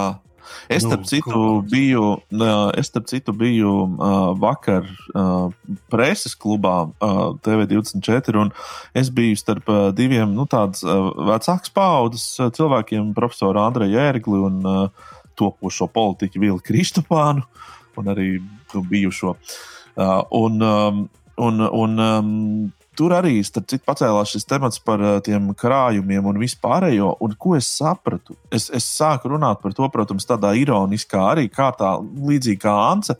Jā, nu, ko tad uh, sāksies tu, tu, tu, te, uh, bombardēšana, ko jūs stiepsiet, kur jūs stiepsiet visus tos savus grīķus un tā tālāk, ko jūs darīsiet jā, ar tiem grīķiem un vispārējo, ko jūs esat savākušies un sapirkušies. Uh, un tad, protams, bija tādas neizpratnes pilnas sejas no abiem uh, kungiem, ka kā, kā tu nesaproti. Bet es saprotu, tajā mirklī man piešķīlās, ka viņi tiešām nāk no paudzes, kur viss tika krāts, vākts un tā tālāk. Latvieši bija un ir bijuši tādi vācēji tikai pateicoties tam, ka vienmēr ir sūri, grūti gājis un, un, un tā. Mēs, mūsu paudze, to kaut kā nesaprot, laikam, vai, vai, vai vai īstenībā neuztver. Bet, nu, man, es teicu, man pilnīgi pietika ar to, kas ir tajā 72 stundu emergency somā. Nu, tiktu līdz humanitārai teltī, un, kā saka, pēc tam ir gan jau kaut kā. Jā, līdzīgi kaut kas aptiekās notiek ar, ar, ar jodu tabletēm. Cilvēki ir saskatījušies seriālu Černobiļu, jā, tagad vispārējā situācijā, un tad nu, domā, ka tagad ar viņu joda. Un, un, un, un kāpēc es to pieminu? Tāpēc, ka uh, cilvēki, kuriem reāli ārstniecības nodokļu uh, no, nolūkos šobrīd ir jālieto jods, viņi nevar nopirkt tās tabletes. Tā kā kaut kāds tas, jā, paldies jums, vai ne? Tālāk, ko mēs darītu internetā bez Ivara Līpska? Kāds Oskars Priede aizliegtajā paņēmienā skaidro, ka Putins runājot skatoties tieši kamerā un nekad nepārsakoties. Tas liecinot, ka tā esot viņa runa.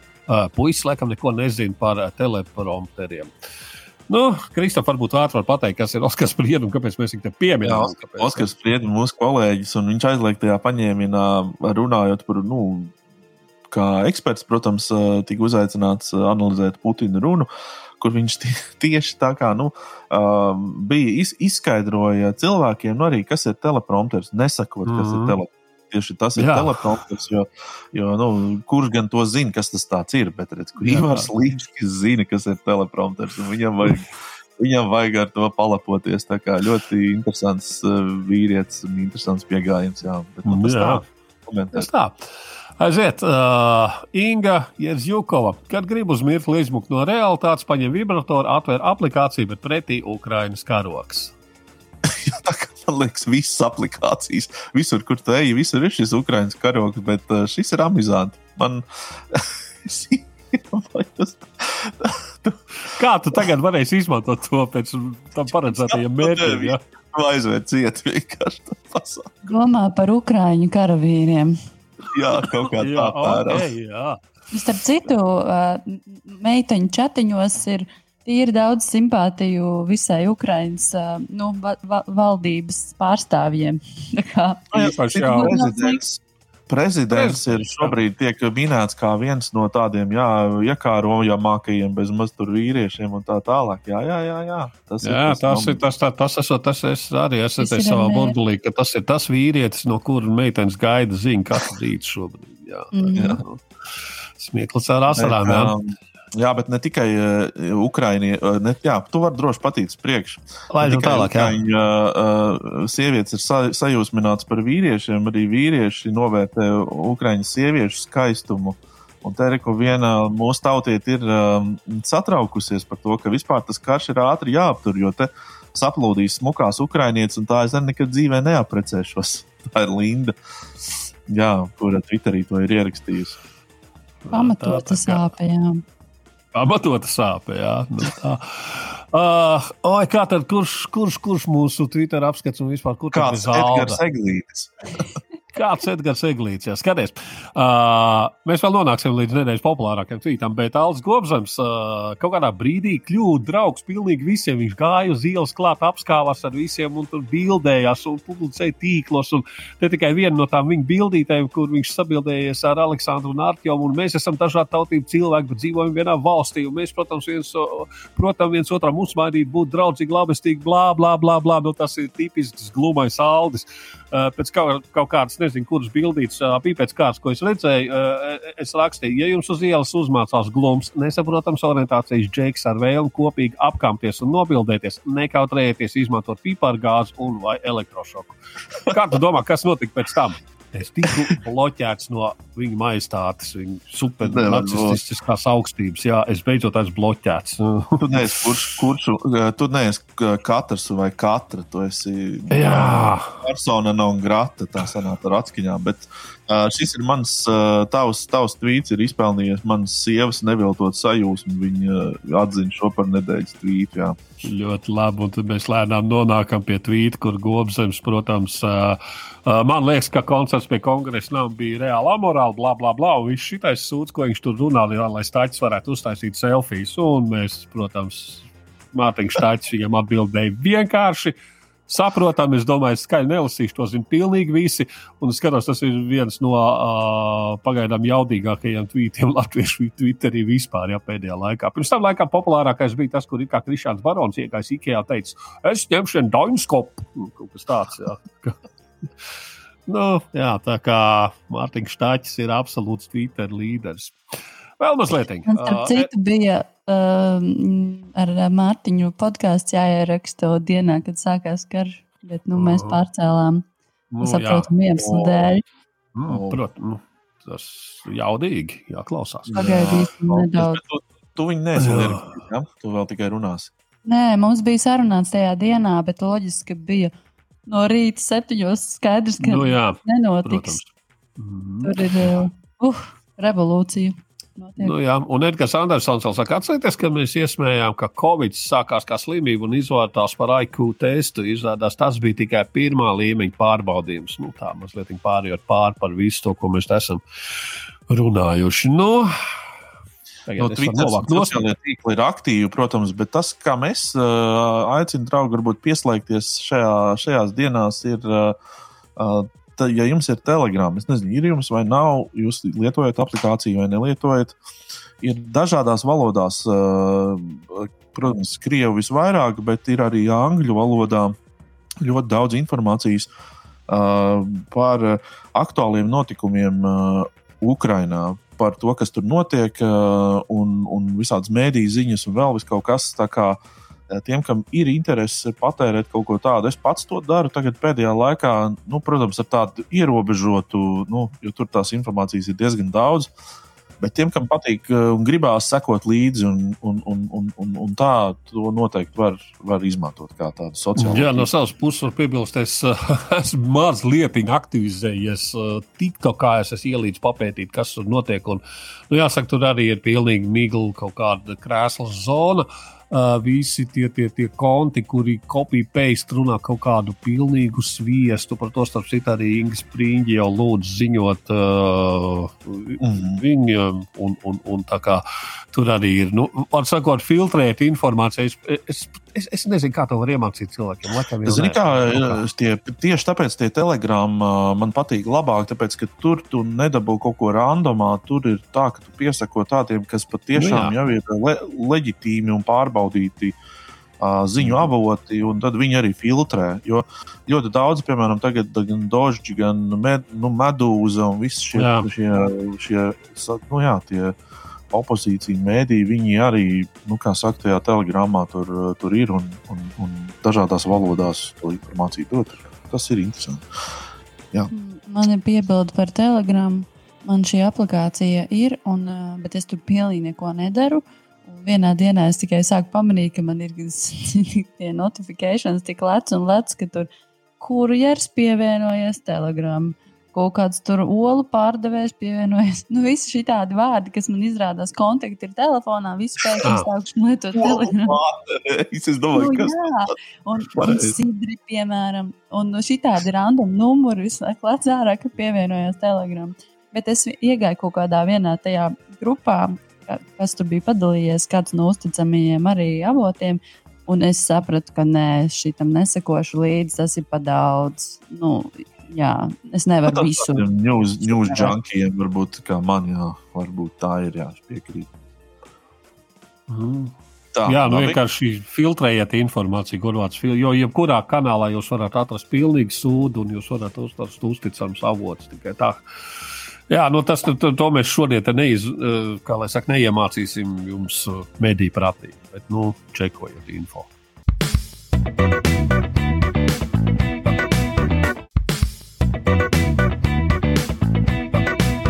Nu, tad kolēģi, pirms kāda laika, miera laikos, mēs vēl prognozējām Latvijas eh, vienu no lielākajām mūzikas eh, apbalvojumiem, zelta mikrofonu, kā nu kuram ir gājis un cik, no, cik mēs esam bijuši savā uh, eh, vēlmēs un subjektīvajās gaumēs precīzi. Par to mēs tagad savelkam galus kopā.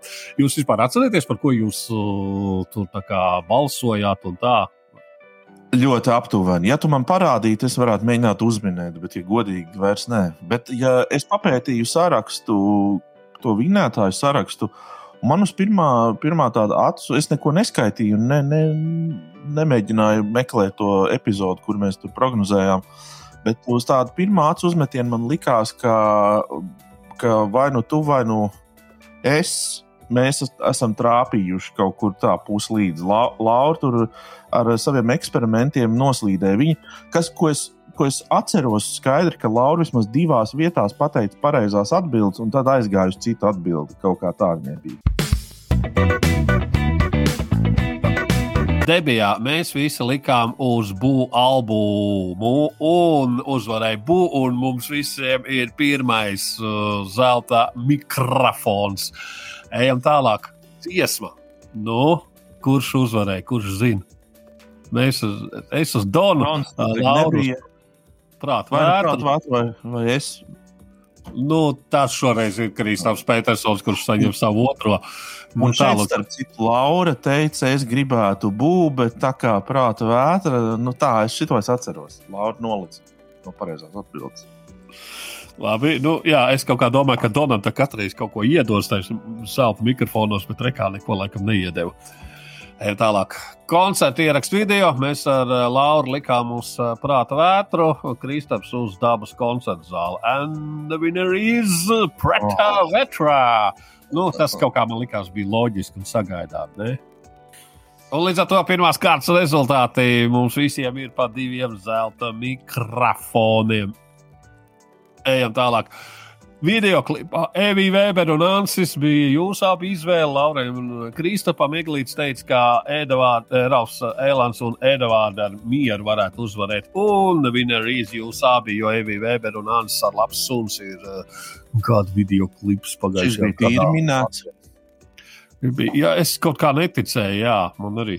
Un re, atcerieties, es teicu, toreiz eh, mūsu prognozēs, mēs uh, smējos, ka izskatās, ka vienās lokācijās ar vieniem un tiem pašiem kameras uzstādījumiem ir uzņemts gan šīs klips, gan, gan, gan karnevāla jūtas alus zaudātīgi. Nu, bet loģiski, ka tas pats režisors. Ah, labākais albuma dizains, es domāju, ka varētu būt TNK, bet es laikam pārāk augstos dizaina augstumos uh, lidoju, uzvarējāt jūs abi, kur likāt uz ēda vārdiem, uz ekosistēmas. Nu, man lielākais, es, es visvairāk es turēju īkšķi, ka tikai ne cita zēna. Es domāju, nu, es arī Twitterī ierakstīju, nu, cik aklums sistēma ir jābūt, lai to karikatūru par dizainu nosauktu. Tā kā, nu, come on. Nu, lūk. Uh, Elektroniskās un dēļu mūzikas albums uh, mēs ar Petersonu likām uz Riku Fedu. Laura uz Oriolu. Cik atceros, pateicoties savam dzimšanas gadam. Tā kā, godīgi sakot, es ar ceļiem nu, pat par nedēļu runāju, ka tā, ja klausās, tad nevar atšķirt, kas ir Oriola, kas ir Rīgas Fēds. Nu, tīri minēšana, Rīgas Fēds un, un Un, starp citu, ieraugot to džekiņu, es uh, sapratu, ka tas ir tas, kurš tagad Junkraus jaunajā sastāvā pie, pie, pie atbild par visām ritmu sekcijām. Un rezultāts šajā brīdī ir tāds, ka Petersons ir nopelnījis piecus zelta mikrofonus, Laura četrus un Eglītis tikai trīs. Laižam tālāk. Tautas vai pasaules mūzikas albums. Nu, kā mums ir gājis? Ja neviens nedabūjām, man liekas, ka tev ir kaut kas saucējs. Jā, Sa saucējs dabā. Slaucējs. Jā, tauta meitas un slauca vai kaut kas pa vidu saucējs dabā. Ko viņas sasauc? Nu, katrā gadījumā varbūt ir vērts paklausīties, ja viņas ir zelta mikrofons jau saslaukušas, saslaukušas, mm. saslaukušas dabā. Tālāk, klasiskās vai kora mūzikas albums. Kalniņš no Lauras un no Eglīša, Kremerata Baltika no Petersona un Winnerīs. Kristaps Petersons, jo viņš vienīgais laikam saprata, ka Kremerēta Baltika ir tāda klasiskās mūzikas prāta vētra, kā parādās tā iedod balvu vienkārši par to, ka viņi ir vai ne. Nē, tā gluži nav gan. Labi, popmūzikas albums, nu, tur bez variantiem, Rīgas modes, patiesie nodomi. Nu, tur, tur, tur, tur mēs ar Petersonu tā kā. Uh, atminējām Lauru liku uz karnevālu, jo tā vairs kuku, nu, diemžēl nē. Jā, nu, man reāls prieks par Rīgas modeli. Viņi arī izrādās tādā neiedzīgā kategorijā kā gada albums. Tur vispār man likās, bija pilnīgs Rosals tāda nominācija. Mēs to nemaz neiekļāvām, neapskatījām tajā laikā. Tur bija nu, pilnīgi Rosals. Tur nu, nekā nevarēja sacensties. Tas būtu kā salīdzināt kartupeļus ar zemenēm. Ja? Nu, visdažādākās lietas. Mums ir jaušams liels uzvarētājs, un tas ir Kristāps. Mums ar Lauru pagaidām ir līdzīgi. Mums par četru Kristapam jau ir septiņi zelta mikrofoni. Country vai šlāgeru mūzikas albums, nu, mums kā šīs mūzikas visiem piekritējiem ir sestā jūdzi, tuvu un mīļi. Mēs visi atminējām, ka tā ir sestā jūdzi. Uh, ieraugot noformējumu upes, domājam, hm, tā neko noformējums. Vienīgi viss sačakarēja tā, ka tā, tas uzraksts apakšā, bet tā tas jau gandrīz vēl uz kaut kādu tumšu ambientu. Džēza vai funk mūzikas albums, nu, very cool, very cool people. Oh, Paškevits, nu, Petersons, es teicu, kā Kristapa Vanadziņa trio. Un, uh, Nu, nebija man tāds baigās, kā lai saka, tur, oh, jā, tas noteikti būs. Nebija tāda pārliecība kā par Rīgas modēm, bet uh, kaut kā jā, nu, varbūt vienkārši tāpēc, ka tas bija no visas tā piedāvātā visbiežāk manas klausītājas. Es biju pilnīgi pārliecināts, ka Paškēvičs šo paņēmis. Un es pat būtu varējis uh, kaut kur citur nokļūdīties, jo, jo, jo nu, es nebiju tik pārliecināts par džēzu un funku. Tā bija tāds savs skatījums. Bet nu, es arī, protams, atzīstu Kristofru Anadziņu trio uh, guvumu, tā kā pelnīt. Nu, jā, labi. Un hip-hop mūzikas albums, nu, mēs visi trīs likām uz Eliotu stulbo rēpu, bet paņēmu kurts laikā, un, godīgi sakot, es, man nav ne jausmas, es neesmu pat paklausījies. Un es pēc, arī pēc dizaina sapratu, ka nē, es neesmu dzirdējis to. Man ir vizuāla atmiņa ļoti laba. Tā kā tā. Laura, tu vēl esi pie mums? Halo! Jā, es esmu. Jā. Man vienkārši šis liekas, ka notika jau pirms kaut kāda gada. Vai ne? jo sajūta. pasaule ir tik ļoti mainījusies kopš tās no nu, dienu pa dienai. Man liekas, ka, ka šis jau ir tā kā. Bet tas jā, tikai tas ir bijis. Bet nu, mēs saskaitām punktus, kā saka. Nu, labi, jā. Tas ir jāizdara. Jā, jā, protams. Nedēļas tikai bijis. Indijas alternatīvās mūzikas albums uh, Laura uz nepāriet, Lūk, Petersons uz Eviju Weberu, Eglīts uz Eviju Weberu. Nu, tur čom būšana nenostrādāja. Nesen tas būs ilgi. Nu, tā loģiski domājot, jau vajadzēja arī paredzēt, ir tā godīgi. Jo, nu, Evija drīzāk tāda elektronika vai kaut kāds alternatīvais piestāvētu. Kaut kāds, nezinu, kaut kāds īpašs žanrs, bet nesen ļoti pelnīt un prieks. Tā kā iesaku noklausīties nesen, tas būs ilgi. Uh, instrumentālā un starpžānru mūzika, uh, Valters Pūcis, Infinita Rīga mūziķi, Rīgas doma, Zēna Koras, Lauras. Es atceros, ka viņi teica, tāpēc, ka tur ļoti daudz, jā, viņi sanāks uz skatos. Uh, Kristaps Likus, Valteru Pūci un uz to pašu, ko Laura, es teicu, Kārlis Auzāns ar Emīliju un uh, mēs visi aizšāvām garām. Jo... Tas tāpšais. Jā, un mm. ar asinskāzām. Uh, Nu, lūk, rezultāti zelta mikrofonā uz šo brīdi ir milzīgi. Kā lai saka, uh, te var. Pēc tīra vizuāli jau redz, ka Petersons ir līderos, mazliet pierāvis ir eglīts un Laura šobrīd ir trešajā vietā. Ātri turpinām. Mūzikas albums bērniem mēs visi kā Reidika kvēlu fani likām uz Lauru Reiniku, bet, nu, teiksim, zelta mikrofonu pasniedzēji domāja savādāk. Viņi iedeva emociju pētniekiem, knīpes un knauķi. Varbūt viņiem likās dīvaini, kā uh, vīrietis, teiksim, tā labākajos gados uh, dzied par lācēniem un ričiju rūtā. Kā, nu. Svētdien dodos uz koncertu. Beidzot, beidzot. beidzot. Būs mums review. Būs mums review. Nu, lūk, uh, roka vai metāla mūzikas albums. Mēs visi likām uz Zina Kertī Mārplu, un mēs visi uzvarējām. Tas ir, uh, tas ir labi. Uh, LV gada dziesma, nu, man tā likās visneiedzīgākā uh, šī te nomināciju, jo kur tad ir Maksims un Rīmija gada dziesmas, un Topa gada dziesmas, un Citro gada dziesmas, un vispārējais plāksters. Visi teicām, ka būs Singapūras sapins un samantīna. Kaut kā loģiski, protams, ka tie bija citi zēni ar limuzīnas uz krīta. Nu, principā limuzīnas uz krīta tas jau uzprasās kaut kādas, nezinu, SMS kredīta gada dziesmu vai ne, kaut kas tāds. Nezinu, bet zini, kas ir vēl, vēl viena lieta par to Singapūras satīnu. Es atceros, ka tajā brīdī mums, nu, no, bija tas, tad, kad mēs prognozējām. Bija tiešām tas brīdis, kad uh, tā dziesma bija laikam tādā topā. Un pēc tam tā pauze starp to, mm, starp, starp to nomināciju un to mūsu prognozi mhm. bija tāda, kur tas limuzīns uz krīta gāja radiostacijās vienkārši. nu, ļoti, ļoti biezā slānī.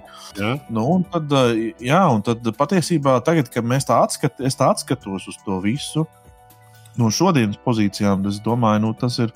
Un plus vēl viņa uzvara Eirovīzijā, tajā mm, supernovā. supernovā. Uh, nu, tad tur viss izskatījās vienkārši leģitīvi, ka tā tam bija jābūt. Nu. Es domāju, ka ar šodienas acīm es pilnīgi noteikti liktu uz, uz, uz tiem citiem zēniem. Mm. Tas gan, jā, bet. Tā. Nu, Jā, tā, tā atskatoties, protams, nu, kā saka, pēc kā ar visu ir gudri. Nu, lūk, līdz ar to rezultāti mums ir sekojoši. Uh, Petersons saņem deviņus mikrofonus, Eglītis septiņus un Laura sešus. Un tas tiešām, tā kā Laura teica, izsaka sajūta iekšējā, ka tas bija kaut kad pirms mūsu ēras. Jā, un es zinu, pat ja, pat ja es esmu šeit uzvarētājs, es galīgi nejūtos kā uzvarētājs. Nezinu, kāpēc.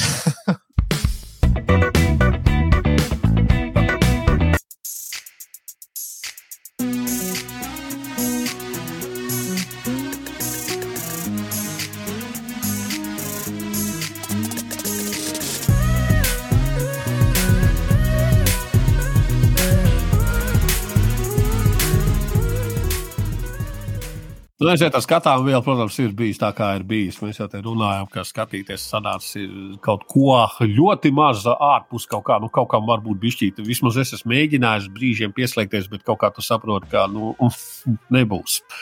Labi.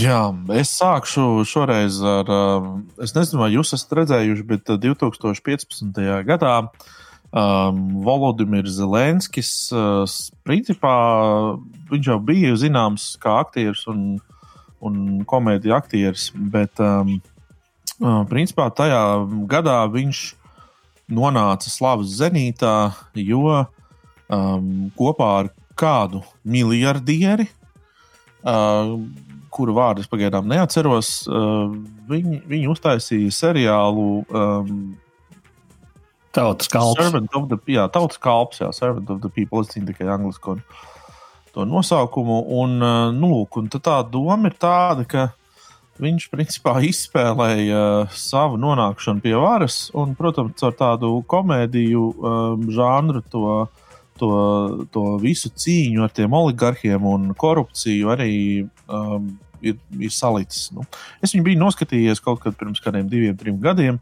Un, protams, ka šodienas notikumi man gribējās mazliet kaut kādu izklaidi tam visam, nu, trakajām šausmām pa vidu. Tad es tā izdomāju, ka tāda varbūt tāda gaumīgākā izklaide būtu, ja es nu, vēlreiz noskatītos to seriālu, atsaukt atmiņā tās kaut kādas um, smieklīgākās epizodes un tā tālāk. Un, un jāsaka, ka tas seriāls ir, um, nu, protams, viņš ir taisīts tādā, nu, kā jau Eglīts jau zina to slāva rokrakstu un, un tās mm. pārspīlētās emocijas un viss tas tur tāds tam žanram patiesībā ļoti piestāv.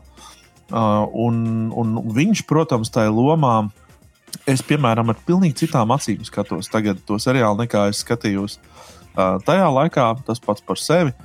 Um, bet kas vēl noteikti ir atzīmējams, ir, ka nu, es skatījos, ka tas skatījumu skaits ir tik ļoti pieaudzis tam seriālam.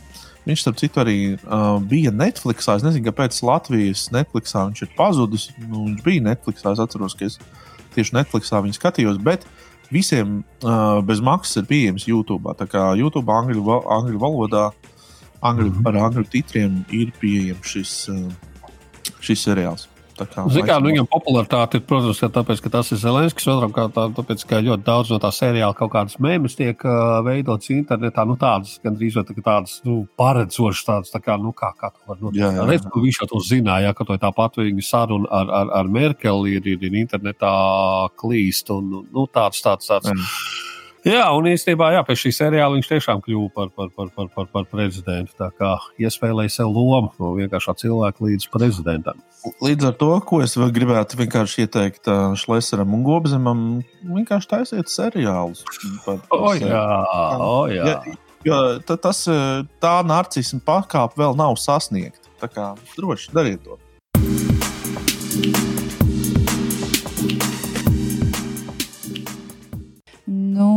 Šonadēļ iznāca pēdējā eifórijas otrās sezonas sērija.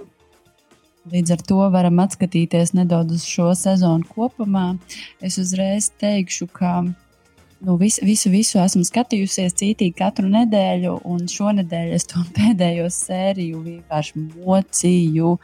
Jo es nevarēju pieslēgties visam tam, kas notiek vēl šajā seriālā kas jau tā vēl raisa daudz pārdomas par visu kaut ko, un es paliku pusē, un es nezinu, gaidu labākus laikus, lai pabeigtu līdz galam un zinātu, kā tad beidzās šī sezona. Bet no nu, aptuveni nojaušu, kā. Un. Mēs laikam ar Eglītu esam skatījušies. Jā, šo. es arī es nu pat gribēju teikt, jo es arī kā šitam sekoju līdzi. Kaut kādā sākās otrā sezona ļoti jāsta, domāju, nu būs malciens, ka maz neliekas. Un tā, protams, aizkrīt viss. Vai kā es rakstīju Twitterī, vai kur varbūt es esmu too old for this shit, jā, nu, tomēr, tomēr mileniāļi ir kā problēmas, bet nu, tādas asiņainas. Trakas lietas notiek.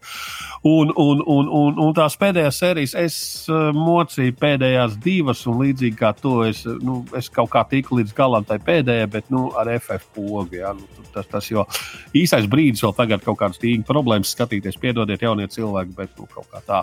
Uh, visādi citādi, protams, no, no, no, no tehniskā, no aktieru spēles, no idejiskā, no vizuālā, nu, viens no labākajiem, viens no labākajiem, jaudīgākajiem, kas ir, kas, kas ir redzēts ar visu to teātri izrādi, kā ir apspēlēta reālā dzīve un teātris un kā tur viss saliekās kopā. Un, Nu jā, bet beigās, protams, tāda raudāšana vien tur ir. Nu, labi, ok, mieru laikos. Tas.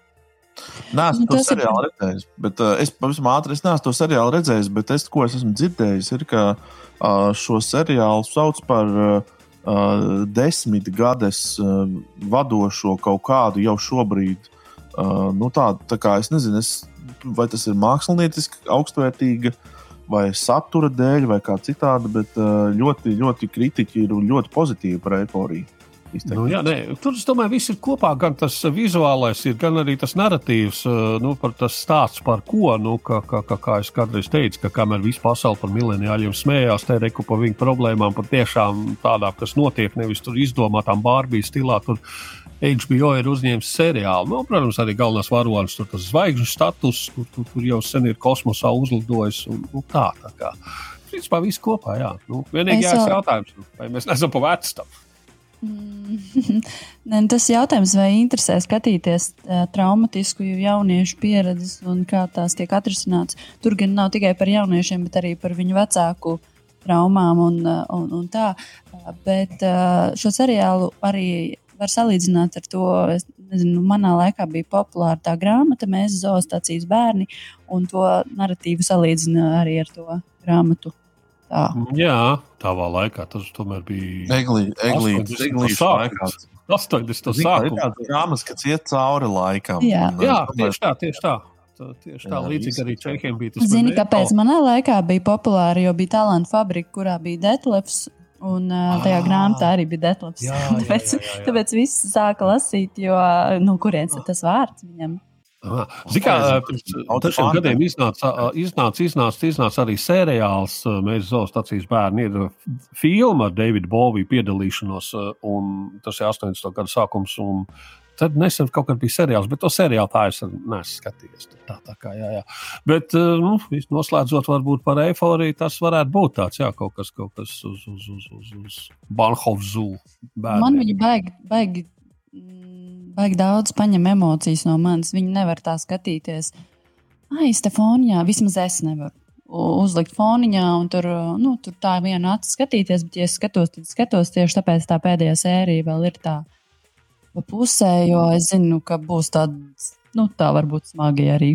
Nu, un arī tīri no vizuāliem risinājumiem, no, no montāžas, no tādām visām tām pārējām. Tas ir, kā tu samirkšķini acis, un tu nesaproti, kas tagad notika. Jā, jā, jā tieši tā. Tu, tu, tas arī baigi forši ir. Nu, labi, parunājām mēs par tādām lietām. Ejam tālāk.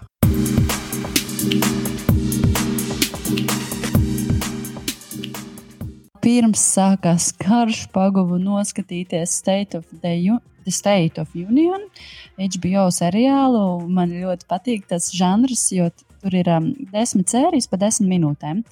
Un uh, gan pirmajā, gan otrajā sezonā ir pāris, kuri katru sēriju satiekas kafejnīcā, pirms viņi dodas uz pāru terapiju.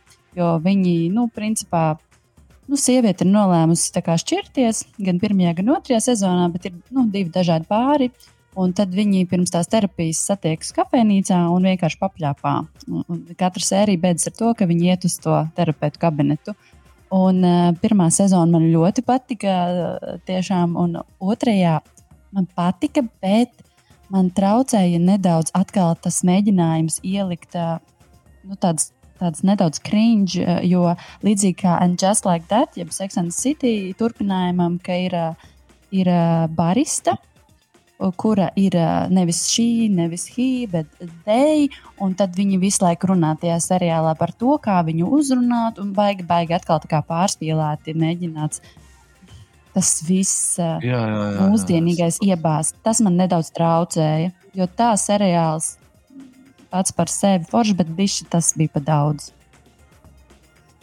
Jā, Es varētu. Bet ļoti vienā kā... dienā var noskatīties 10 reizes 10. Jā, es vienkārši esmu šo pamanījis un ielicis listē, kad es arī gribētu noskatīties. Bet, uh, kā jau te nereizi vien ir teikts, kad ir kā, tas ir maz sākt jaunu seriālu, tas ir kā bez maz uzņemties jaunas saistības. Un, un šajā brīdī negribās uzņemties jaunas saistības. Bet šis tiešām ir uz vienu dienu, ne, neievilks baigi garumā. Tad vēl man nomierināja. Simts minūtes tikai no tavas dzīves. Okay. Tas ir nieks.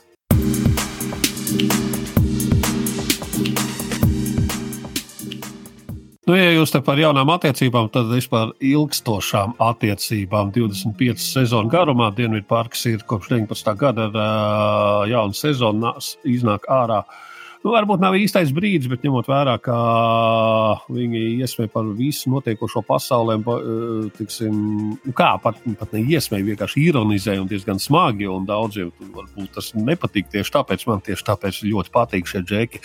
Uh, 25. sezona ir ārā, ir šobrīd četras epizodes. Es pašu jaunākos šobrīd vēl neesmu noskatījies, bet tā ir zīmīgs nosaukums Back to the Cold War. Uh, Jā, tā kā nu, uh, es domāju, ka viss, kas notiek šobrīd, arī tiks atspoguļots uh, šajā te, nu, teikt, diezgan leģendārajā uh, seriālā. Tā kā jā, viss četrotni ir atpakaļ. Jā, es biju, biju pirms kara. Cik tas neizklausītos šausmīgi, ka tā Vai tagad ir jāsaka.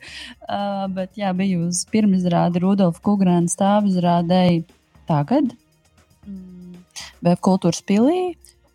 Un, nu, nu, es smējos daudz, tā laikam ir labā ziņa. Es pat nezinu, kā man būtu jārecenzē šāds pasākums, ja godīgi. Jo es zinu, kāds ir Rudolfs, es zinu, ko no viņa sagaidīt, un to arī es sagaidīju. Man nebija nekādu pārsteigumu. Uh, bija daudz tādu diezgan brutālu joku. Un cilvēkam, kas varbūt uh, pirmo reizi ir uz šādu pasākumu aizgājis Latvijā, varētu būt šoks. Un es zinu, ka uh, ja man pēc tam arī viena paziņa rakstīja, ka viņa bija un viņa ir bijusi šokēta, jo viņa nebija gaidījusi joks par tādām tēmām, jo Rudolfs joko par visu.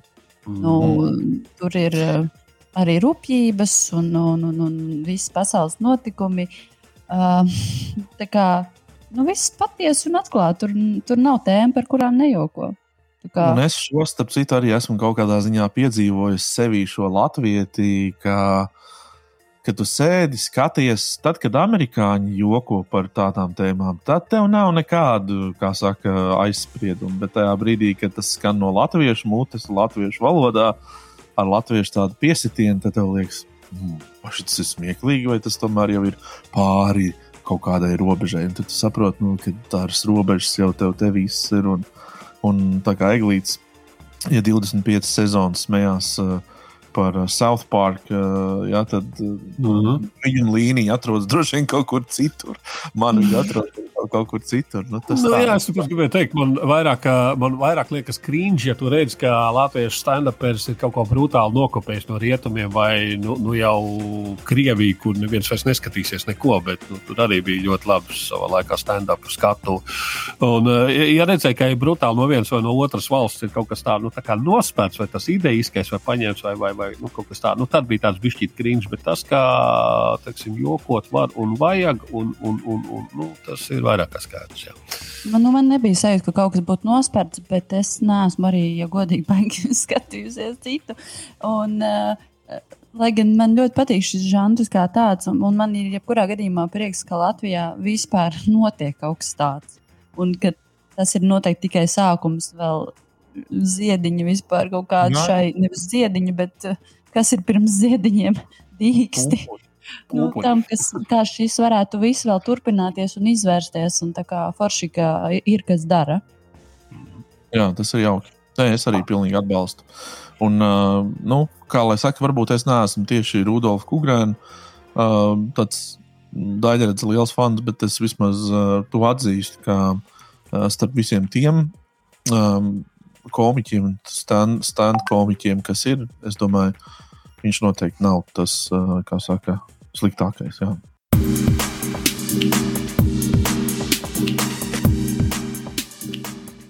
Par klausāmo vielu. Es domāju, ka uh, nu, vismaz man ir bijis grūti pieslēgties kaut kādai popmūzikai. Es uh, gada albumu Rīgas modes paklausījos pēc tam, kad saņēmu viņi to, to, to, to, to, to tās balvas, zelta mikrofons, divu. Un, ziniet, un man liekas, tas ir pilnīgi no citas pasaules. Tas ir kaut kas tāds, kaut kas tik sen ir bijis, kaut kas pagaida tādām sajūtām vēl kaut kur vispār. Jācer, ka tās atgriezīsies, bet tas likās pilnīgs kosmos. Kā jums ar klausīšanos šomēdēļ kaut kas ir bijis? Ko jūs Es- klausījāties? Es podkāstus klausos, radio klausos, uh, visu kaut ko klausos, bet tas viss ir current affairs, saucamais uh, žanrs, kas ir šodienas, vakardienas notikumi un nākotnes prognozes. Es domāju, kā mums visiem Jā, nu, es arī ļoti daudz visā tajā esmu, bet kaut kur kaut kādā brīdiņā, kā, un, un, protams, ka saka, ka nu, tagad. Uh, Mūzikas pasaulē ļoti būs pretkara vilnis, atkal un viss šīs pretkara dziesmas. Nu, man ir kā tas Mhm. pirmais, kas nāk prātā, savā ziņā ir kaut kāda vudstuka, kaut kāda hipija, tur, kas tur, tur pīzīmītas, sazīmējuši, tur puķītis, tur marihuāna zobas, tur peace man, make love, not war, un viss šitais.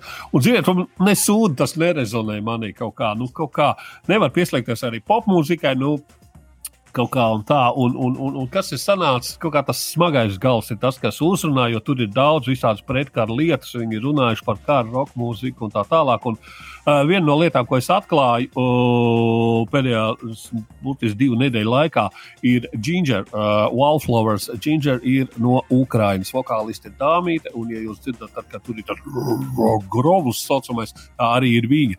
Un viņi maina tos vokālus gan no nu, tāds, tā kā, kā, kā, kā, kā mūsu paša Džēna, ja, kas simfonija metālā, kas dzied ļoti nu, tā skaisti un tā pareizi līdz tādam kārtīgam vērtībam. Nu, smagais ir atstāts nevis kā gingeri, kā mēs varētu iedomāties, bet jinjeri ar jēbu. Jā, jā, ja tie, kas visu meklē, tie tad uh, nesajauciet. Tas Jā, nav jā. gingerbread. Nu, tas, nu, jā, tas nav gingerbread. Jā, tikai tāpēc, ka atkal ir tas brīdis, kad tu nezini, kā izrunāt, jo tu radio tas neskan, tev nepiesaka neviens. Tu vienkārši redzi to Spotify un YouTube. Nu, lūk, un eh, tad kaut kā arī uz tās, tās, tās roka mūzikas ir bijis, un tad es pagāju cauri vēl visādām tādām. Nu, tās ir reāli lietas, kas, kas uzrunāja, ko klausījos par kara tēmām. Pink Floyd, protams, ir uh, viena no tām klasiskajām grupām, kas, kas runā par karu, ir runājuši, un kurš vēl joprojām ir aktuāli. Un šobrīd atkal kā nekad ar Animals, ar The Wall, ar Final Cut. Uh, tā, tā, tāda pretkara triloģija varētu būt. Turpat arī Rodžers Waters ar Muse to Dead, uh, kurš, starp citu, arī bija laivā koncertā. Tur ļoti daudz skanēja arī materiāli no, arī no šīm, šiem albumiem. Tā kā arī tāds uh, YouTube war, nu, arī tāds Es arī klausījos tagad kaut kad nesen. Jā, kaut kā, kaut kā. Un nevis tāpēc, ka teiksim, tu meklē kaut kādu zlobu tajā mūzikā vai kā, bet tāpēc, ka tas ir tas, kas uh, vismaz manī rezonē vairāk nekā, nekā, nekā varbūt tās hipiju balādes. Jā, tāpat Megadētā ar Peace Cells, uh, bet Who's Buying uh, Peace Cells vispār daudzos uh, roka mūzikas uh, tādos izdevumos ir atzīta tā, ka dziesma kā viena no jaudīgākajām vispār kādiem, kad ir par pretkārtēm bijusi. Uh, turpat arī Metālika, starp citu, vakar Metālikas albums uh, 36 nosvinēja 36 gadi ar leģendārajām Master of Puppets, kas ir nu, pilns ar kāru, te, nu, principā pār un ap kāru un pret kāru. Uh, and Justice for All tur ir iekšā viņa balādu One, kas ir laikam arī viena no jaudīgākajiem uz šīs planētas par, par, par, par pretkāru tēmu. Turpat arī Sepultūra ar Chaos AD, kas ir nu, arī ļoti, kā lai saka, kopš 90. ir politiski aktīva apvienība Pantera, Vulgar Display of Power. Tur varbūt ne tik daudz tieši par tādu kārtēm, kaut gan šie albumi arī ir pār karu un pret karu, bet arī viss tā, tā, tā, tie teksti varbūt ir mazliet vairāk, ka tu tā paklausies plašāk pavēri, ja nu, tu saproti, ka tas var būt par visdažādāko kāru. Uh, Ministrija, Psalms 69 un Pig, man liekas, tāda ļoti spilgta albuma, kas ir par šo tēmu. Ministrija jau vispār ir tāda, kas lamā pastāvošo iekārtu nepārtraukti. Un pēdējā koncertā, kur vienīgajā ministrija koncertā, kur bija tur Trumps, vienkārši nu, lamāja ārā tā, ka maz neliekās. Uh, Ātrāks ar klasiku, Mongo Living ir, ir, ir noteikti pretkara tēmas aizskārtas Slayers, Soto Heaven, arī viens no jaudīgākajiem albumiem par, par, par šo tēmu. Tā kā nu, šī roka mūzika ir tā, kas rezonē šajā laikā visvairāk. Sodom, Agent Orange. Tas nezinu, tikai roka mūzika. Es patiesībā, es, ja tā godīgi jāsaka. Tu, tu, protams, es saprotu pilnīgi noteikti eh, tavu aizrautību ar, eh, ar roku un smago galu, bet man liekas, ja, tā, ja mēs tā skatāmies, kas ir vairāk pretkara žanrs, tad tas šobrīd noteikti ir hip hops. Pilnīgi noteikti. Nu, tas uh, ir populārākais. Nē, nē, pilnīgi noteikti tas ir žanrs numur viens, kurš uh, runā par kāru, par augsto karpu, runāja savulaik, kurš starp citu arī nosauktās tavas Pantēra sepultūra metālika. Viņi jau patiesībā um, tur nebija tāds reālās kara situācijas, tur bija tās tas, uh, tensions. Nu, tas, uh, nu, tensions jā, jā. jā nu, kad ir tā star, starp varu, ka, ka jābeidz ir vienkārši savā starpā kasīties. Un, un jāsāk ir, uh, dzīvot kopā. Jā, kā, mierā, tā, kā, kā kurš albums, kurā gadā iznācis, protams, jā. Jā, vai, vai tad, protams, arī ir uh, kaut kādi, kas uh, Rage Against the Machine un jā, šīs protams. virziens. Uh, kur, uh, kur kara tēmas noteikti ir apspēlētas, bet pēc būtības tās arī nav īsti kara tēmas. Tās ir tādas pret-establishment uh, tādas um, nu, protests vairāk. Jā, tā kā, bet, bet hip hops, starp citu, ja jā, būtu kāds, kas eh, droši vien hip hop vairāk nu, mums klausās, varētu būt arī ļoti labs un līdzīgs apskats, kā Eglīts nu pat par roku uztaisīja.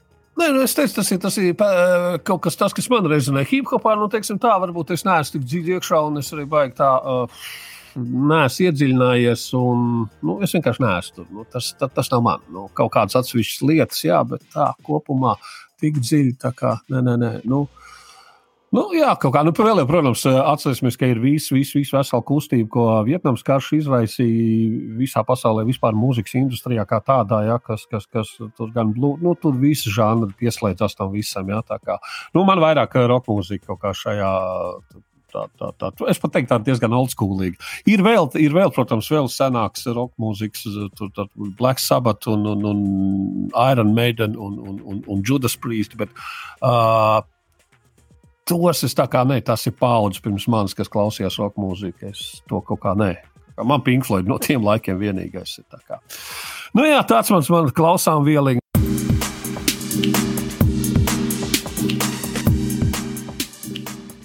Es gan no kopš pagājušās trešdienas Spotify īsti neesmu atvērusi, ja godīgi vispār. Jo nu, nevaru, nevaru nekādu mūziku paklausīties ir tikai Latvijas rādio viens ziņas. Bet man ir tas bonus, ka es pagājušajā nedēļā nevarēju piedalīties, un man ir iekrājušies albumi no vēl citiem laikiem. Un, nu, te nu ir viens, nu, sauksim, kā ir. Mana nu, vis, vismīļākā mūzika, kas ir Tēma Impala, kas ir, sauksim viņu par austrāļu ģēniju. Uh, austrāļu psihodēlijas uh, ģēniju.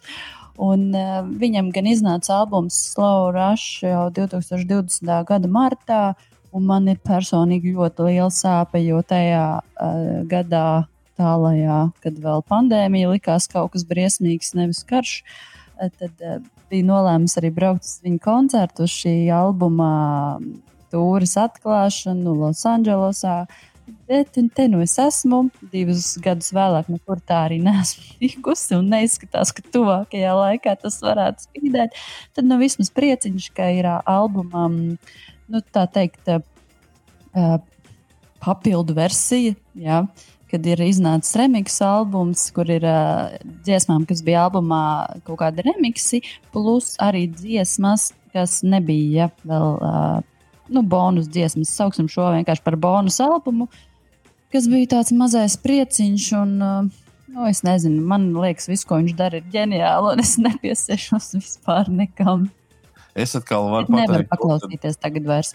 Nu, Starp citu, līdzīgi kā, kā tu, es pārtraucu šo klausīties 24. februārī, kad um, sākās karš. Uh, bet es ieraud, ieraugot Lauras sarakstā šo, šo albumu, domāju, nu, vienkārši interesi pēc. Es paklausīšos, uzlikšu, kas tas ir, vai vismaz es varu kaut ko pateikt. Uh, tā, kā es iekrītu tajā albumā, es viņu rulēju uz rīņķu, uz rīņķu, uz rīņķu. Un, tiešām tas uh, man te ir pilnīgi jāpiekrīt. Uh, es redzu simts iemeslus, kā, kā, kāpēc iemīlēties uh, šādā mūzikā. Es pilnīgi arī noteikti rekomendēju Tēmu Impalu.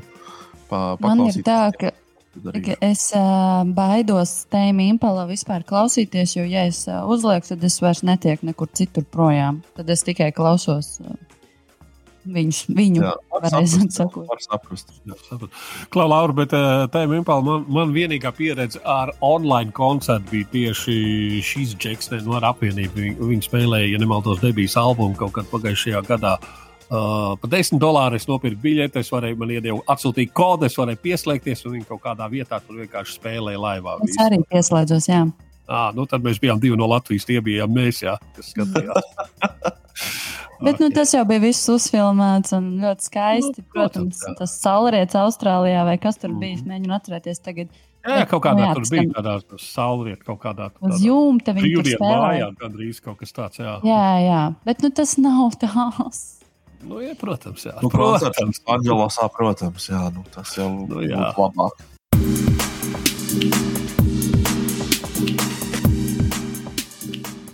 Tad ir vēl viens albums, kas iznāca nu, tad, nu jau ne, neatceros. Miera laikos. Bet kaut kad nesen. Metronomija, Small World, un ar metronomiju man ir tādas interesantas attiecības, jo vēl pirms um, nu, pusotra gada es atceros, ka es teicu vēl uh, vienam draugam, kā man besīja metronomija. Man nenormāli kaitina tās dziesmas, kuras es zināju, nu es vienkārši nevarēju paklausīties. Uh, Bet, nu, es nezinu, kas man notika, un es, es sāku klausīties. Nav tā, ka es ļoti, ļoti fanoju par šo jauno albumu, bet ir nu, dažas dziesmas, ko es paņēmu sev arī playlistēs. Šī īstenībā ir tāda, tāda viegla mūzika, varbūt pat šajam laikam piemērot, jo tur nav baigi jāgruzās. Lai gan tur ir dziesmas par Life and Dead. Un, Un, un īstenībā šim laikam atbilstoši tie nosaukumi, eh, bet viņi tā negruzīja sirsniņā, es teikšu, tā kaut kā. Jā. Vai tu vari atsaukt atpakaļ to laiku, kad viņi besīja un noraksturot, kas tieši tev besīja tajā mūzikā? Kaut kā tas ritms muzikālais, es nezinu. Man, man bija tā, viņam, viņam tās dziesmas tādas, tādas um, Tā muzikālā arhitektūra, ja, kā viņas ir uzbūvētas, tā kaut kas uz, jā, tādas jā. ritmiskas, tādas it kā. Es nezinu, kaut, kaut kā kaitinošas, nervozas. Man līdzīgi ar a, a, Animal Collective ir tā vienā noskaņojumā, ok, vienā lido platu pa logārā. O, oh, jā, ar viņiem tiešām tā ir. Ar Animal Collective, es domāju. Nu jā, es tāpēc domāju, tas ir, ka šis ir kaut kas līdzīgs tam. Vieglāk, nu, Viņš ir daudz tāds vieglāks, tāda maigāka tā mūzika. Bet, nu, jā.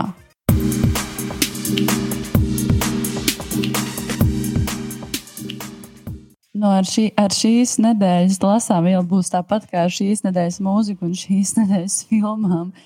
Es šo grāmatu Noras Ikstenes mātes piens, uh, nu jā, tāda, teiksim, latviešu klasika, nu jau mūsdienu, gribēju jau sen izlasīt, un es tik ļoti nelaikā viņu sāku lasīt. Nu, tik ļoti nelaikā. Tas bija tiešām pāris dienas pirms sākās karš.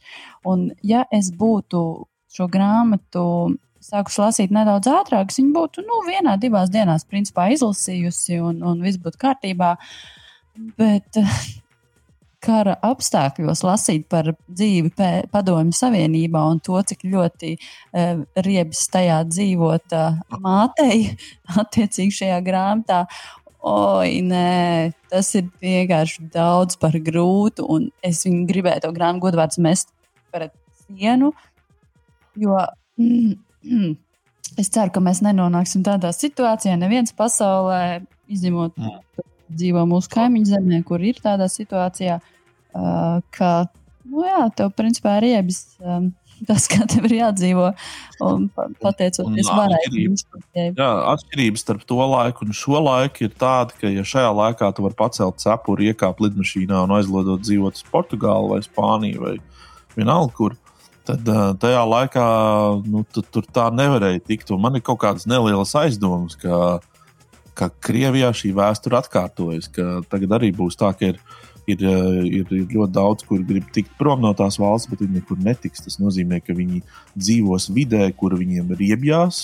Uh, un atkal, droši vien, tas būs pamats mūzikai, filmām, uh, literatūrai, tādai kā mātes pienas, no Sikstenes. Jā, labi. Es domāju, mēs esam uh, noskatījušies un palasījuši kaut ko, paskatījušies, bet tas, ko es domāju, es pilnīgi noteikti visus aicinu un kopā ar uh, Lauru jau pieminēja, uh, rīt, pie, rīt ir gājiens. Es domāju, tur mēs arī visi tiekamies. Ne, neglīts, nedroši vien viņš ir kuldīgā, bet. Uh, nu, es atkal kuldīgās atpakaļ. Jā. Tie, kas, tie, kas tuvāk Rīgai, es arī aicinu pievienoties un, uh, kā saka, tiekamies tur un, un izsakam atbalstu Ukrainai. Uh, um, izsakam atbalstu ne tikai tā, tā kā vārdos un, kā saka, ar kartonu, kartona nu, planšetēm vai kā tos sauc, plakātiem, bet arī reāli ziedojot, protams, palīdzot, kur varot, varam, kur katrs ir kaut kāda ar savu prasmu, profesiju, var pievienot kādu vērtību. Tas noteikti šīs dienas ir tās, kuras mēs varam izmantot to visu. Tā kā Jā, es ceru, ka jūs draugi pievienojaties.